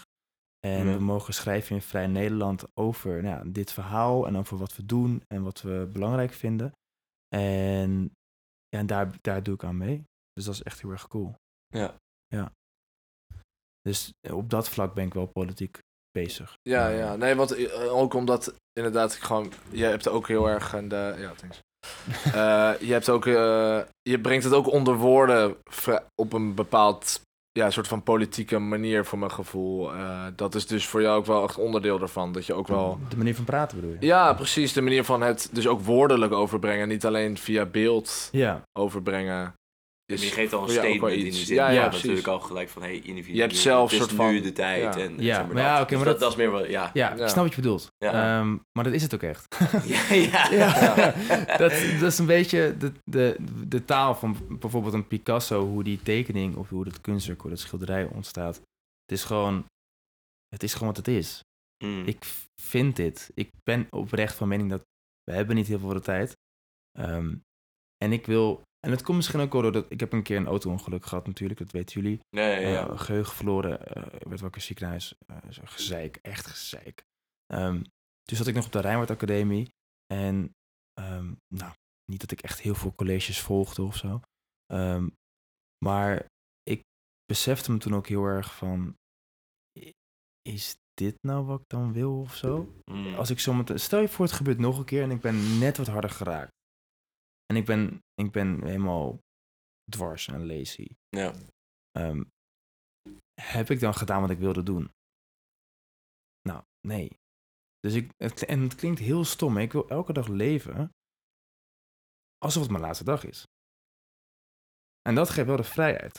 En dat is cool. Ja, ik weet nog heel goed dat je dat inderdaad had. Ik was nog heel erg verrast van jou dat jij al zo snel gitaar ging spelen, zeg maar. Terwijl ik wist dat je een hersenschudding had. Meer in de zin van, gitaar spelen is zo heftig voor je brein. Überhaupt een muziekinstrument bespelen is zeg maar heel heftig, omdat je op een hele andere manier nadenkt, zeg maar. Het Ja. blijkt ook in mijn meerdere studies, als je een instrument speelt, dat je veel beter ook bepaalde connecties legt, zeg maar. Dus je wordt ook op een manier slimmer van muziekinstrumenten spelen. Het is heel Maar grappig. heel heftig dat je zo, zo snel dat hebt gedaan. Want het was in die echt- nacht al. ik, ja, ik was echt bang eigenlijk voor je. Want ik dacht, oh god, als...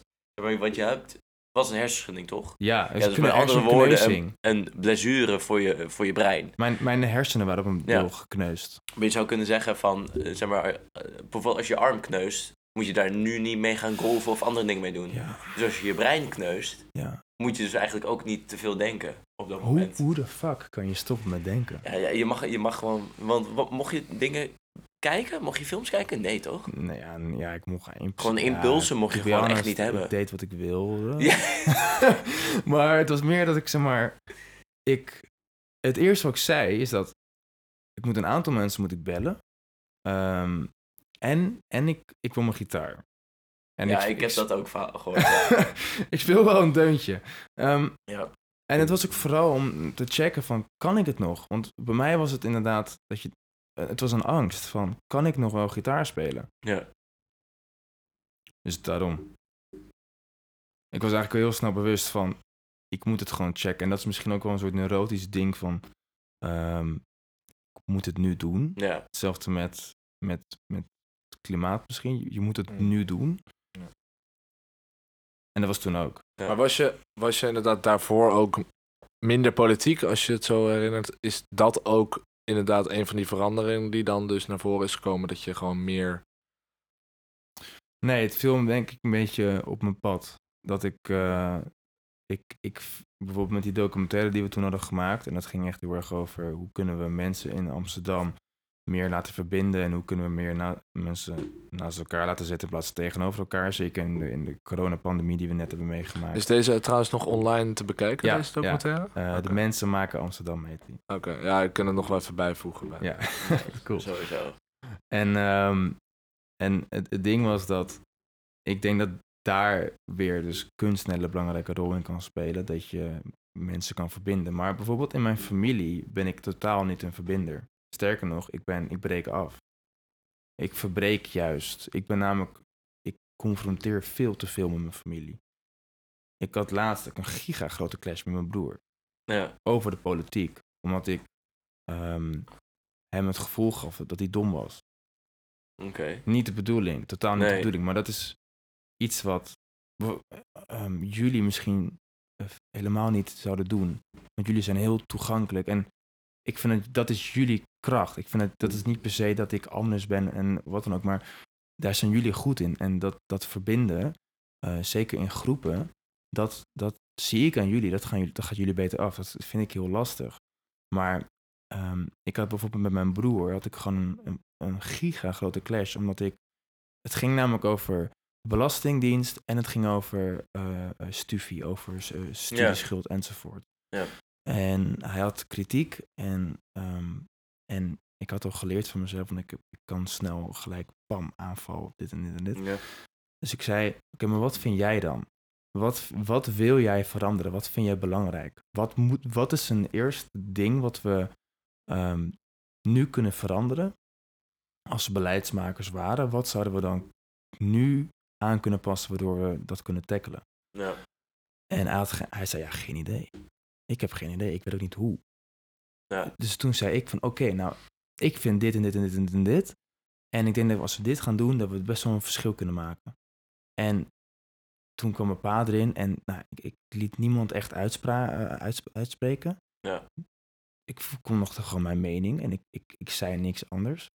Eh, of ik, en ook op mijn bedoeling was om te luisteren, maar ik hoorde al aan mijn broer, ja, hij heeft geen idee. Dus dan ga ik wel gewoon aanvullen en hopelijk pikt hij daar wat van op. En misschien vindt hij het boeiend en misschien niet. En Mm. both is fine. Maar dat ging, dat liep helemaal uit de hand. Hij werd lijp. Hij ging, hij ging echt een gorillataal uitspreken. Kan het zijn door... Ja, dat weet je natuurlijk het is zelf altijd moeilijk om te kijken. Met de toon? Nee, hè? Nou, vast. Het, het, zou, het zou kunnen. Ja, Aangezien je ook zei dat je natuurlijk soms ook aan de telefoon... eh, met die ook brutaal kan overkomen natuurlijk. ik ben, ik ben Dat gewoon heel, ik, kan, ik kan heel brutaal zijn. Ja. Ja, maar dat zie ik bijvoorbeeld, omdat dat zie ik ook in de flat. Ja. Ik, ik, heb met, ik kan met heel veel mensen kan ik het heel goed vinden, maar het zijn er maar echt een aantal waarmee ik het echt diep, diep in gesprek kan gaan. En zelfs van die aantal weet ik niet eens of dat echt mijn vrienden zijn. Mm. Omdat ik niet weet, niet iedereen, en dat weet ik echt wel van, van de bar, niet, er zijn niet veel mensen die Maar echt op mijn altijd meer op verhaal... sociaal, toch? Op sociaal vlak is dit natuurlijk heel erg. Ja, Dus maar er zijn maar, niet veel inderdaad mensen die op mijn met- verhaal aan het wachten zijn, denk ik. Nee, maar bijvoorbeeld inderdaad met de kunst of met politiek, hoe gaat dat ehm, je dan meer af, zeg maar? Dus inderdaad, als Ja, je een gewoon- documentaire hebt gemaakt, inderdaad, een mens vraagt er Ja. eh, iets over, dan kom je er dus eigenlijk wel heel erg goed uit. Ja, ja, ja want dat, Ja. is, dat, is, dat, is, dat is mijn passie. Ik kan alleen maar, het ding is, ik kan alleen maar praten over mijn passie en over dingen die ik belangrijk vind. En dat is hetzelfde met school. Als ik het niet belangrijk vind, dan boeit het me ook echt een hele fuck. Ik zou ook niet aan je vragen van, hey, hoe gaat het als het me daadwerkelijk niet boeit?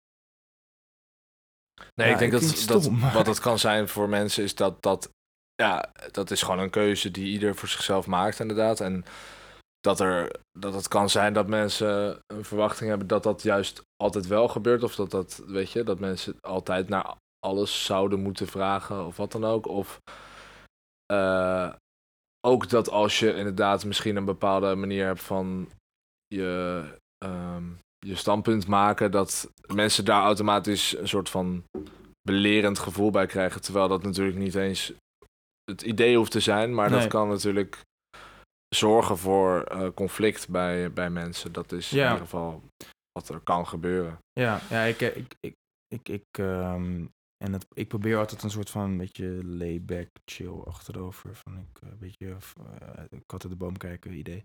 Dat vind ik soms heel lastig. Ehm, maar mijn, mijn energie kan soms heel hoog zijn. Ik kan, ik, ik kan soms onbedoeld heel veel ruimte vullen. Dat heb ik thuis namelijk ook. En dat is ook wel kloten misschien voor mijn broers. Maar als ik bijvoorbeeld in de auto zit en ik heb mijn ouders een week niet gezien.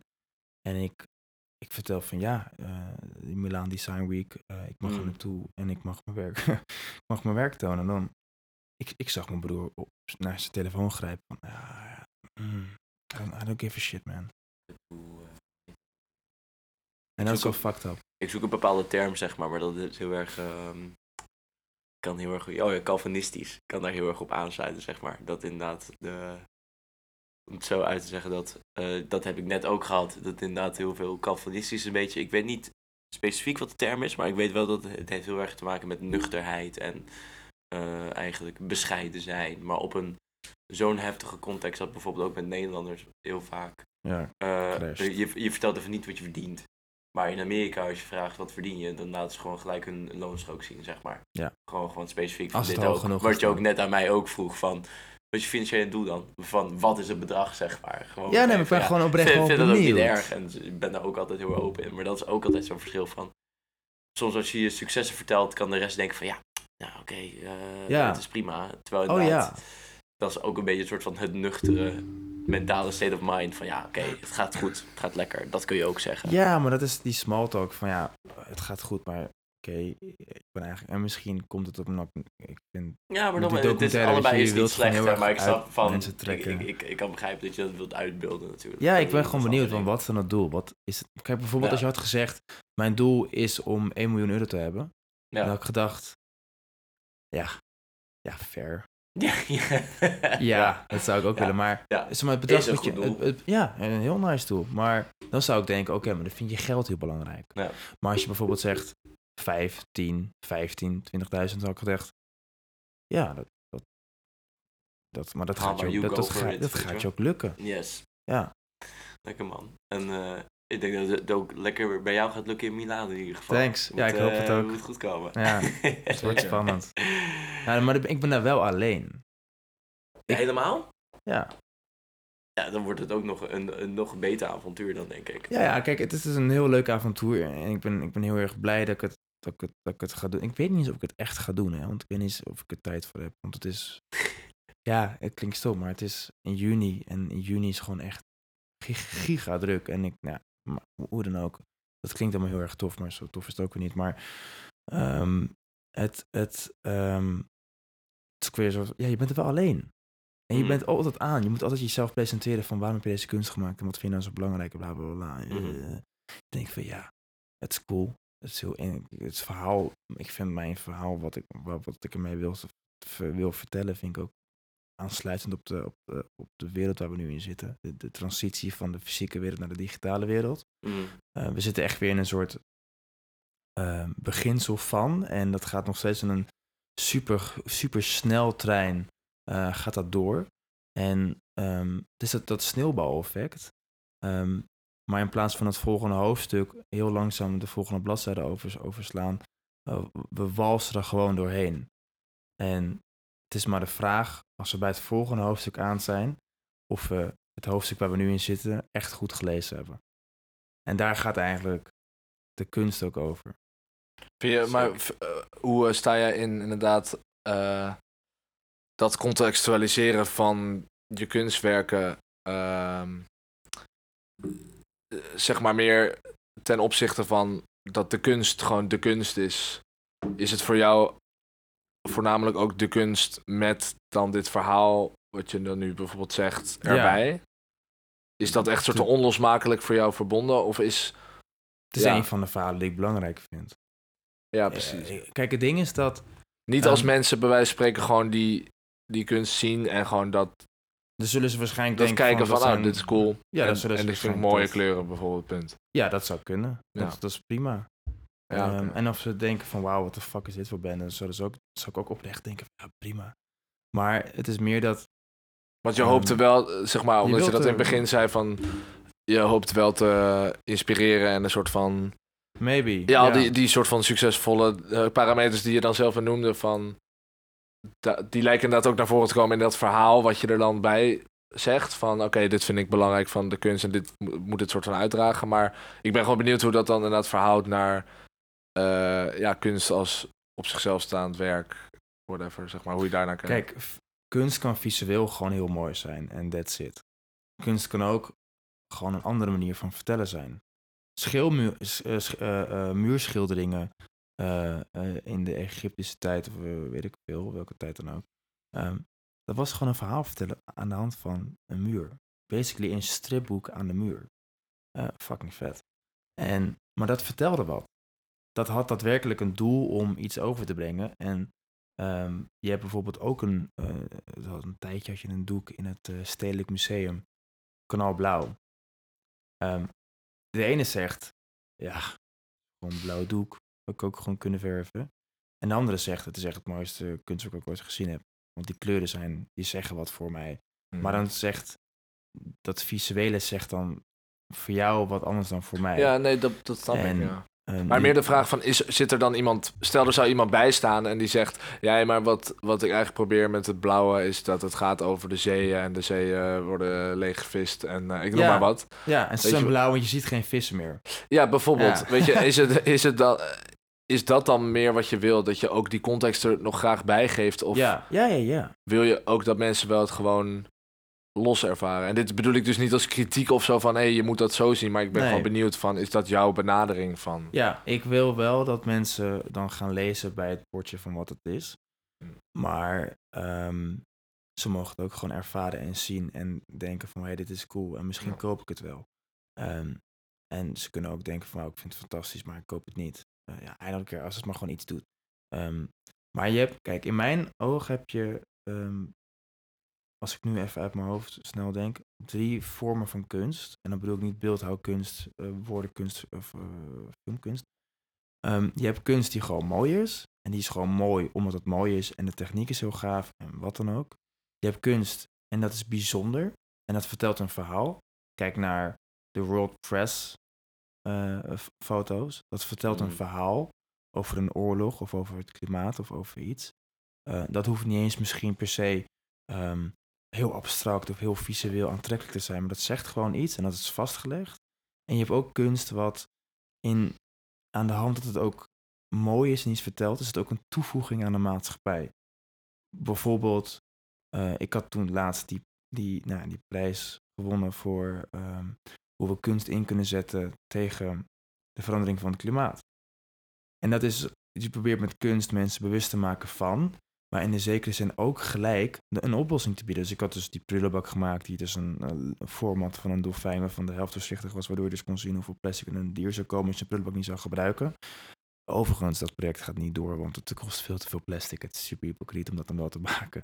Maar ik heb een ander idee bedacht hoe ik het eh, nog steeds kan benutten. Eh, want ik had een prijsgeld gekregen, dus ik wil er wat mee doen. Ehm, en dat is leuk, want ik ben met Tesla bezig om eh, gezondheid.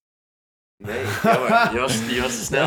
Goddamn. En ehm, ik, ehm, ik, ik wil er wel wat mee doen, maar dat is dus hoe kunst ook in de maatschappij, in een stad bijvoorbeeld, een verschil kan maken. Mijn project is nu om, om prullenbakken eh, te innoveren, dus door het recycleproces te verbeteren en de, eh, naast het, het, het te verbeteren, dus ook mensen bewust te maken door een handeling te doen.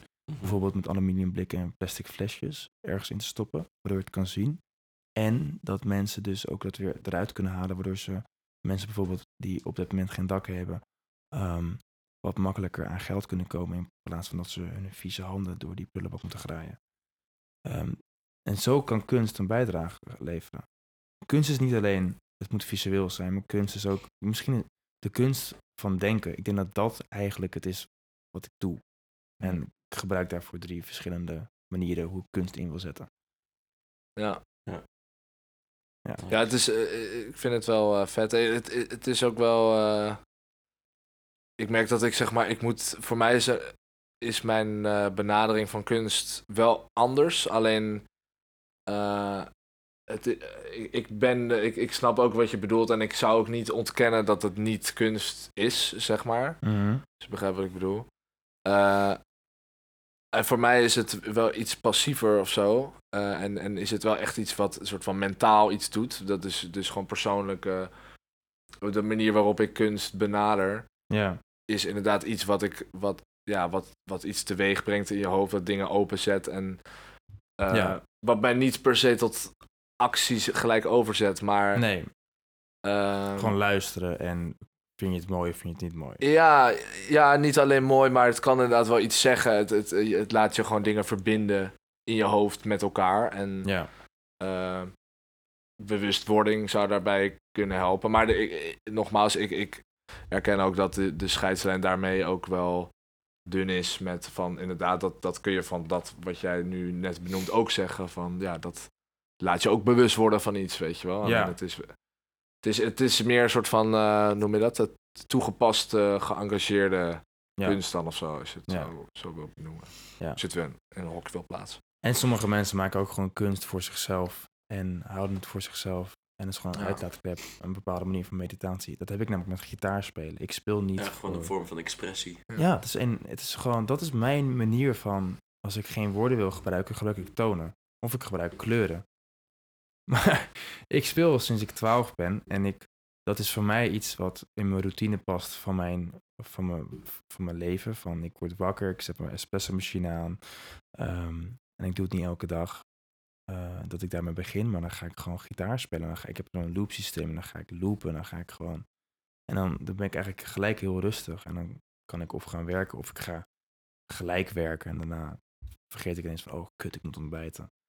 Eh, en dan ga ik mijn espresso machine aanzetten en dan, weet je, dan ro- ro- Ja. roleert het. Maar ik heb een paar dingen die ik in het leven heel belangrijk vind. En mijn gitaar, mijn espresso apparaat en mijn camera en, mijn, en gewoon het maken van dingen, dat zijn de meest primaire dingen die ik nodig heb. Maar als je, en als je dus iets begint met iets maken, eh, begin je dan ook vanuit, een, vanuit zo'n soort van, voor de lekker of a better word, geëngageerd idee? Vanuit Nee. inderdaad, eh, Nee, dat komt dus wel echt achteraf wat jij nu, want je, omdat, omdat het inderdaad wel iets belangrijks is voor je, zeg maar, Ja. dat, het, dat het inderdaad dat doel heeft en dat het, dat het, dat, Ja. daar zit die succesvolheid of zo in, ook volgens mij volgens jou, maar daar begint het dus niet. Het begint dus nee het is een beetje de vraag van begin je eerst met de melodie of met de drumkit. Ja. Ehm, in principe maakt het niet uit waarmee je begint, als het maar uiteindelijk samen een mooi geheel en een harmonie heeft. Mm. toch? En je kan soms gewoon dingen maken en vervolgens het verhaal eraan vertellen, want het inspireert je ineens op een bepaalde manier en dan denk je van, oh ja, dit wil ik eigenlijk misschien wel mee vertellen. Wat, wat vet. Of je begint met, hey, ik wil vandaag dit communiceren, ehm, dus ik ga dit maken. Die documentaire was bijvoorbeeld daar een goed voorbeeld van. Ik wist, eh, ik had acht mensen gebeld. Een daarvan was een vluchteling, die was gevlucht uit, uit Syrië. Nou, die zet zich nu in voor andere vluchtelingen in Nederland. Een jongen die zet zich in voor daklozen. Hmm. Ehm, en die is een soort platform eh, gaan bouwen, zodat daklozen aan, aan, aan, aan werk kunnen komen. Ehm, dus ik kende die verhalen en ik wist, oké, ik heb inspiratie van deze documentaire. Ik wil misschien een beetje hierop gaan lijken. Ik ga dit maken en dan denk ik dat ik hier uitkom. Dan is het inderdaad misschien eerder de melodie. Of nee, misschien eerder de drumkit. De boodschap die het en daarna eh, pas de melodie. Ja. En soms begin ik gewoon vaak met een melodie. En daarna bouw ik daar later pas structuur aan. Oké. Ja, ja, precies. Dat is, dat is, dat is, de methodes veranderen, denk ik. Als het uiteindelijk maar een soort iets creëert. Het is een soort koken. Het is een soort bakken. Het maakt niet uit welk ingrediëntje je als eerste snijdt. Als je uiteindelijk maar gewoon een goede pasta kan maken. Ja. Toch? Ja, 100%. Ja. En dat, nou, ik vind ook wel mooi, kunst is veranderen, vind ik ook een hele leuke vergelijking inderdaad. Ja. Van, oh ja, het veranderen van dingen, perspectieven of... Ja. eh, Ja. ja. Ja. Ja. Nou ja, kijk, het ding is dat ehm, iedereen kijkt natuurlijk op een bepaalde manier en iedereen adopteert ook informatie op een andere manier, toch? En ik doe het op deze manier en jullie doen het, jij doet het op deze manier, jij doet het op deze manier. En, en het is niet dat het ene beter is dan het andere, het is alleen, het is anders en dat is juist goed. Daarom is het ook zo cool, bijvoorbeeld in de flat waar we wonen. Die hele community met verschillende bubbels die samen één grote bubbel zijn. Ehm, dat, deze flat heeft mij super geïnspireerd en super veel gebracht. Omdat ik zoveel verschillende mensen leerde kennen. Mm. En daardoor ook veel meer begreep van mensen. En ehm, ik, ik, ik weet niet, dat, dat, dat, dat laat je ook kijken op een andere manier, denk ik. Ja, ik mensen denk, ook, mee ombrengt. ik denk ook dat eh, wat zeg maar echt goed is, ehm, is als je hoort dat iemand weet wat dat perspectief dat hij of zij heeft, is, zeg maar. Dus Ja. inderdaad, het is een gegeven dat we allemaal net even een andere ingang hebben, net Ja. even bla bla bla. Ja. Maar als jij weet wat dat precies is en je kan dat op jouw vorm dan zeg maar tot uiting brengen, dan weet je gewoon van dat is goed. En dan heb je natuurlijk nog de skills die erbij zitten, die je, weet je, dat is meer de tools waarmee je het doet. En dat kan natuurlijk ook heel goed zijn, maar ik denk dat het daar heel vaak zi- zit als je mensen ja, als je iets kan benoemen van dit is echt goed, dit is gewoon goed, want hij, het klopt gewoon, zeg maar. Het Ja. klopt bij deze, je voelt dat het klopt, omdat diegene weet dat dat zijn of haar perspectief is, Ja, wat tot uiting komt. daarom vind ik ook het heel erg leuk om altijd de essentie uit iets te halen. Zeg maar hetzelfde met bijvoorbeeld als we weer terugkomen op eh, het financiële doel. Zeg maar, eh, de essentie is niet om, om, om multimiljonair te worden. De essentie is om een bepaalde vrijheid te creëren voor jezelf, waardoor je gewoon wat makkelijker kan ademhalen en wat makkelijker dingen kan doen. Ja, ja. En daarom vroeg ik het eigenlijk van, wat, wat is je doel er eigenlijk mee? Wat, want het doel is een financieel doel, maar wat, hoe kunnen we het meta maken? Wat is dan precies Hm. wat je wilt bereiken? Ja. En dat, dat heb je dan goed gedaan. Ja. En dat is cool. Ik weet niet of ik een... Misschien heb ik ook wel een financieel doel. Ehm, Toch ergens een drive toch inderdaad al in zit inderdaad voor zoiets. Nou, het is wel, Ah. kijk, ehm, ehm, ik denk dat financiële vrijheid eh, heel veel rust biedt. Door gewoon dingen te doen die je kan en wilt doen. En dan kan je, bijvoorbeeld, we waren vandaag, wa- oh, vandaag waren we naar de film toe om vier uur. En dat was gewoon van, ja, fuck it. Dat Ja. doen we gewoon. Is ook al een vorm van financiële vrijheid eigenlijk Ja, op die dat manier. is het ook. Weet Het je, is gewoon om giga. vier uur dat kunnen doen, is echt Ja. gewoon al heel erg fijn inderdaad. Dat, ja. dat is super fijn. En uiteindelijk is het voor mij ook bijna, en voor Toby natuurlijk ook, een soort van noodzakelijk ook. Ehm, Ja, tuurlijk. Eh, Ehm, ik zit even aan de mic, maar ehm, het, het, het is voor ons inspiratie, want we, we, we, we willen ja, dingen zien en daar iets van opbrengen. En we hadden het vervol- deze film die we vandaag dan keken was gewoon intens, gewoon echt Ja. intens. Ehm, maar daardoor beseft hij ook heel erg en wat voor vrijheid we nu eigenlijk leven en wat we dan eigenlijk moeten koesteren. Mhm. Ehm, Ja. En zie het misschien als een soort vorm van educatie. Het is alleen anders gebracht. Ja, ik sluit me daar ook bij aan. Dat is, eh, ja, het is heel vaak. Ik vroeg haar ook nog van ja, wat zou je tegen mensen zeggen die zeggen van ja, maar waarom, waarom kijk je zoiets? Zeg maar, waarom, waarom vind je. Waarom vind je het nodig om iets te kijken waarbij eh, inderdaad iemand met een brein uh, of wat dan ook? Weet Ja, wel? Dat, dat, ja. dat, is, dat is een vraag die komt vanuit een soort van iets wat je kijkt moet ontspannend, entertainment-achtig zijn. Ja, Het, het moet een bepaald soort van relaxed eh, gevoel geven. Eh, of je in ieder geval niet te veel confronteren of zo. En ja, dat is voor mij in ieder geval, vind ik spannend om bij mezelf op te zoeken. En ik vind het zelf altijd heel leuk ook om te merken in een zaal. Dat mensen gewoon anders gaan zitten als die scène nadert. ja. Je, je merkt, ik merk dat bij jou, maar ook op andere Ja. mensen. Ik vind dat ook leuk als een soort sociaal experiment om op te letten. Van, maar dit is gewoon, ja, dit is gewoon primair, zeg maar. Je ziet nu hoe mensen reageren op iets wat ze zien. Oké, daar kun je van vinden wat je wil, wat je neem je, maar het, het gebeurt, zeg maar. Het Ja. is gewoon kunst. mensen eh, inderdaad, kunst krijgt reactie en Ja. dat is een soort live reactie die je daar Ja. ziet. Heel Ja, vet. Je kon er niet eens iets tegen doen. Dus zeg maar, ja, het, het ging, ja, het, even, het is een beetje vies, maar ehm, die, die meid was 20 jaar ongeveer. Ehm, en die was zwanger. gaan we de film, gaan we het heel spoilen? even- je gaan we het spoilen? Nee, nee, nee, gaan we niet. Nee, nee, nee, gaan we niet. Maar op een gegeven moment in, die in, in een scène ehm gebruikt ze een soort breinaald om Ja, abortus bij zichzelf te plegen, omdat ze ja, ja. ja. dat het niet geaccepteerd is en ook zelfs een, een, een strafbaar feit. Ehm, maar dat is ook zelfs voor mannen die helemaal geen baarmoeder hebben, gewoon heel erg van holy shit, wat ga je voor periode door? En ja, ik weet niet, zeg maar, Dat is waarschijnlijk ook het al heb je niet eens een baarmoeder, je voelt het bijna. Ja. Ja. En dat is waarschijnlijk ook het doel, neem ik aan, van die film waarschijnlijk. Ja, nee, Voor het- absoluut, Het soort maar- van het niet, niet alleen chockeren, maar inderdaad zorgen voor een verandering in je van oké, Ja, ik moet dit echt, ja, ik besef nu hoe heftig dit kan zijn. ja, zeg en wat voor schade het kan, want Ja. als je ook bedenkt dat hoeveel stress het kind zou krijgen als het geboren zou zijn, Mm, als het een, als het een moeder heeft die, die, gewoon niet, die gewoon niet kan zorgen voor het kind. En, en eh, ik vond het wel mooi, want zij zei ook tegen haar professor toen, want eh, ik ga niet alles spoilen, maar ze zei, ja, ehm, ik weet niet wat ze precies zei, maar ehm, ze zei, die professor zei van, ben je, ben je ziek of zo? Ze zei, ja, dat is de ziekte van, van huismoeders zijn. Of mogelijk huismoeder worden. ja, Dat was de ziekte. Ja. Ik dacht van deze vrouw wil veel meer dan, dan dit. En heeft ambities, maar Ja. wordt nu geblokkeerd. En dat is, dat is heel triest, want zij kan wellicht wel heel veel toevoeging bieden aan deze maatschappij Mm. en een verschil maken. Maar dat, dat kan nu niet, omdat er zo'n giga stigma hangt om eh, niet je kind laten te verwijderen. Ja. Maar wat voor, wat, voor, wat voor mogelijkheid en wat voor eh, klimaat geef je dat kind? En met wat voor stress groeit het kind op als het wel zou leven? Wat is dan de waarde van het kind laten houden? Mhm. En dat was heel boeiend. Zeker, ja. Dus ja, er valt gewoon veel uit te halen. En, en, eh, en ik denk ook dat.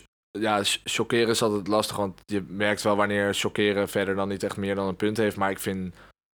Chockeren is ook, kun je bij afvragen van. Oké, ik heb een shockreactie, maar waarom. Wat, Ja. wat is er aan de hand? Wat gebeurt er Ja, echt? Zeg maar, waarom? reflectiemoment. Ja, want je kan inderdaad denken van, oh, ik ben geschokt, want ik wil niet een breinout. Ja, maar waar heeft dat dan mee te maken? Wat vind je dan? Ik hou gewoon niet van breien. Ja, bijvoorbeeld, dat kan zijn. Nee, maar weet je, het is gewoon elke keer weer een nieuwe manier om te kijken Ja. van wat, wat choqueert er, wat, wat, wat roept iets op en wat... Ja, gewoon En dat verandert elke keer weer, want je ziet steeds meer dingen en je, en je hoort steeds meer dingen. En, ehm, Het is gewoon het reflectiemoment. Ja, Eh, Reflecteren jullie veel op jullie, eh, op jullie leven en jullie werk? Ja, ik doe niet anders. Ja, dat is wel een beetje mijn inslag. eh. Maar reflecteer je ook naar andere mensen van doen zij het beter dan ik? Nou, nee, dat.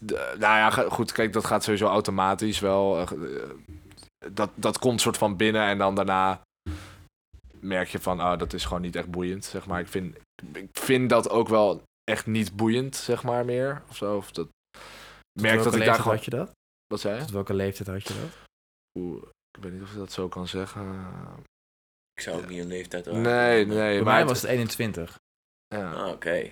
Misschien is het wel zo, ja goed, kijk, dus ik zeg ook niet van dat ik er vrij van ben of zo, maar het, eh, het is meer gewoon van, het is nu, er komt nu gewoon sneller de koppeling naar, ja oké, boeien, weet je wel, want eh, Ja. ik moet gewoon door, ik ga gewoon doen wat ik doe en daar hebben in die zin andere mensen dan, andere mensen niet zo heel veel mee te maken, want Ja. ik doe het en ja, that's it, soort van. Die, Bij mij was het namelijk heel erg dat ehm, ik denk dat reflectie en ook kijken naar anderen heel erg te maken heeft met hoe je naar jezelf kijkt. Ja. Dus het vertrouwen hebben in, in wat je doet en wat je belangrijk vindt en het gevoel hebben van of je daar goed in bent of niet. Mhm. En ik heb denk ik nu iets gevonden waar ik daadwerkelijk goed in kan zijn en goed in wil worden. Ja. En Misschien, ik wil niet zeggen de beste in wil worden, maar ik wil, ik wil uniek zijn in wat ik doe. En omdat ik doe, nu heel erg nagedacht heb van ja, maar ik, ik wil niet eens op iemand anders lijken. Ik wil, ik wil, wil mij zijn en ik wil dit maken. Dus wat iemand anders nu doet, interesseert me geen fuck meer. Want dat heeft niks te maken met mij. Ehm, maar ik ben heel lang onzeker geweest. Echt super onzeker. En dat heb ik los kunnen laten toen ik echt de, de, het nut van kunst zag. En daar goed iets mee kon. Mhm. En dat was denk ik misschien, dat is misschien pas een jaar. Misschien, misschien twee, misschien was ik 2020. Ja, corona. Ik kon echt mijn eigen ding doen. En ik kon toen creëren wat ik zelf wilde. En, en dat maakte me heel erg gelukkig. Je zei ook al dat het ongeluk is ook wel een turn of events geweest voor je. Ja, Dus ja, dat, dat komt een beetje inderdaad allebei denk ik een beetje op hetzelfde punt in. Ja. toen. ja. En, en ik denk dat dat wel misschien juist nu het ding is waarvan ik kan zeggen: Oké, dat maakt me wel gelukkig. Maar bijvoorbeeld, ik had bijvoorbeeld mijn vrienden allemaal, die gingen dubbele bachelors doen. Die gingen rechten en economie doen. Die gingen ehm, gewoon de lijpste studies en wat dan ook. Mhm. En het, het, het, het pad was bijna al uitgestippeld van, ja, weet je, dat gaat me wel goed. En bij mij was het zo'n ding van, ja, ik, ik ga dus denk ik niet echt ooit een bachelor afmaken. Laat staan een fucking master. En dat gaf in, in het begin ook heel erg een ding van, oké, ehm, is dan je houvast? Want mijn houvast lag heel erg op iets wat ik nooit zou bereiken. En dat was die bachelor.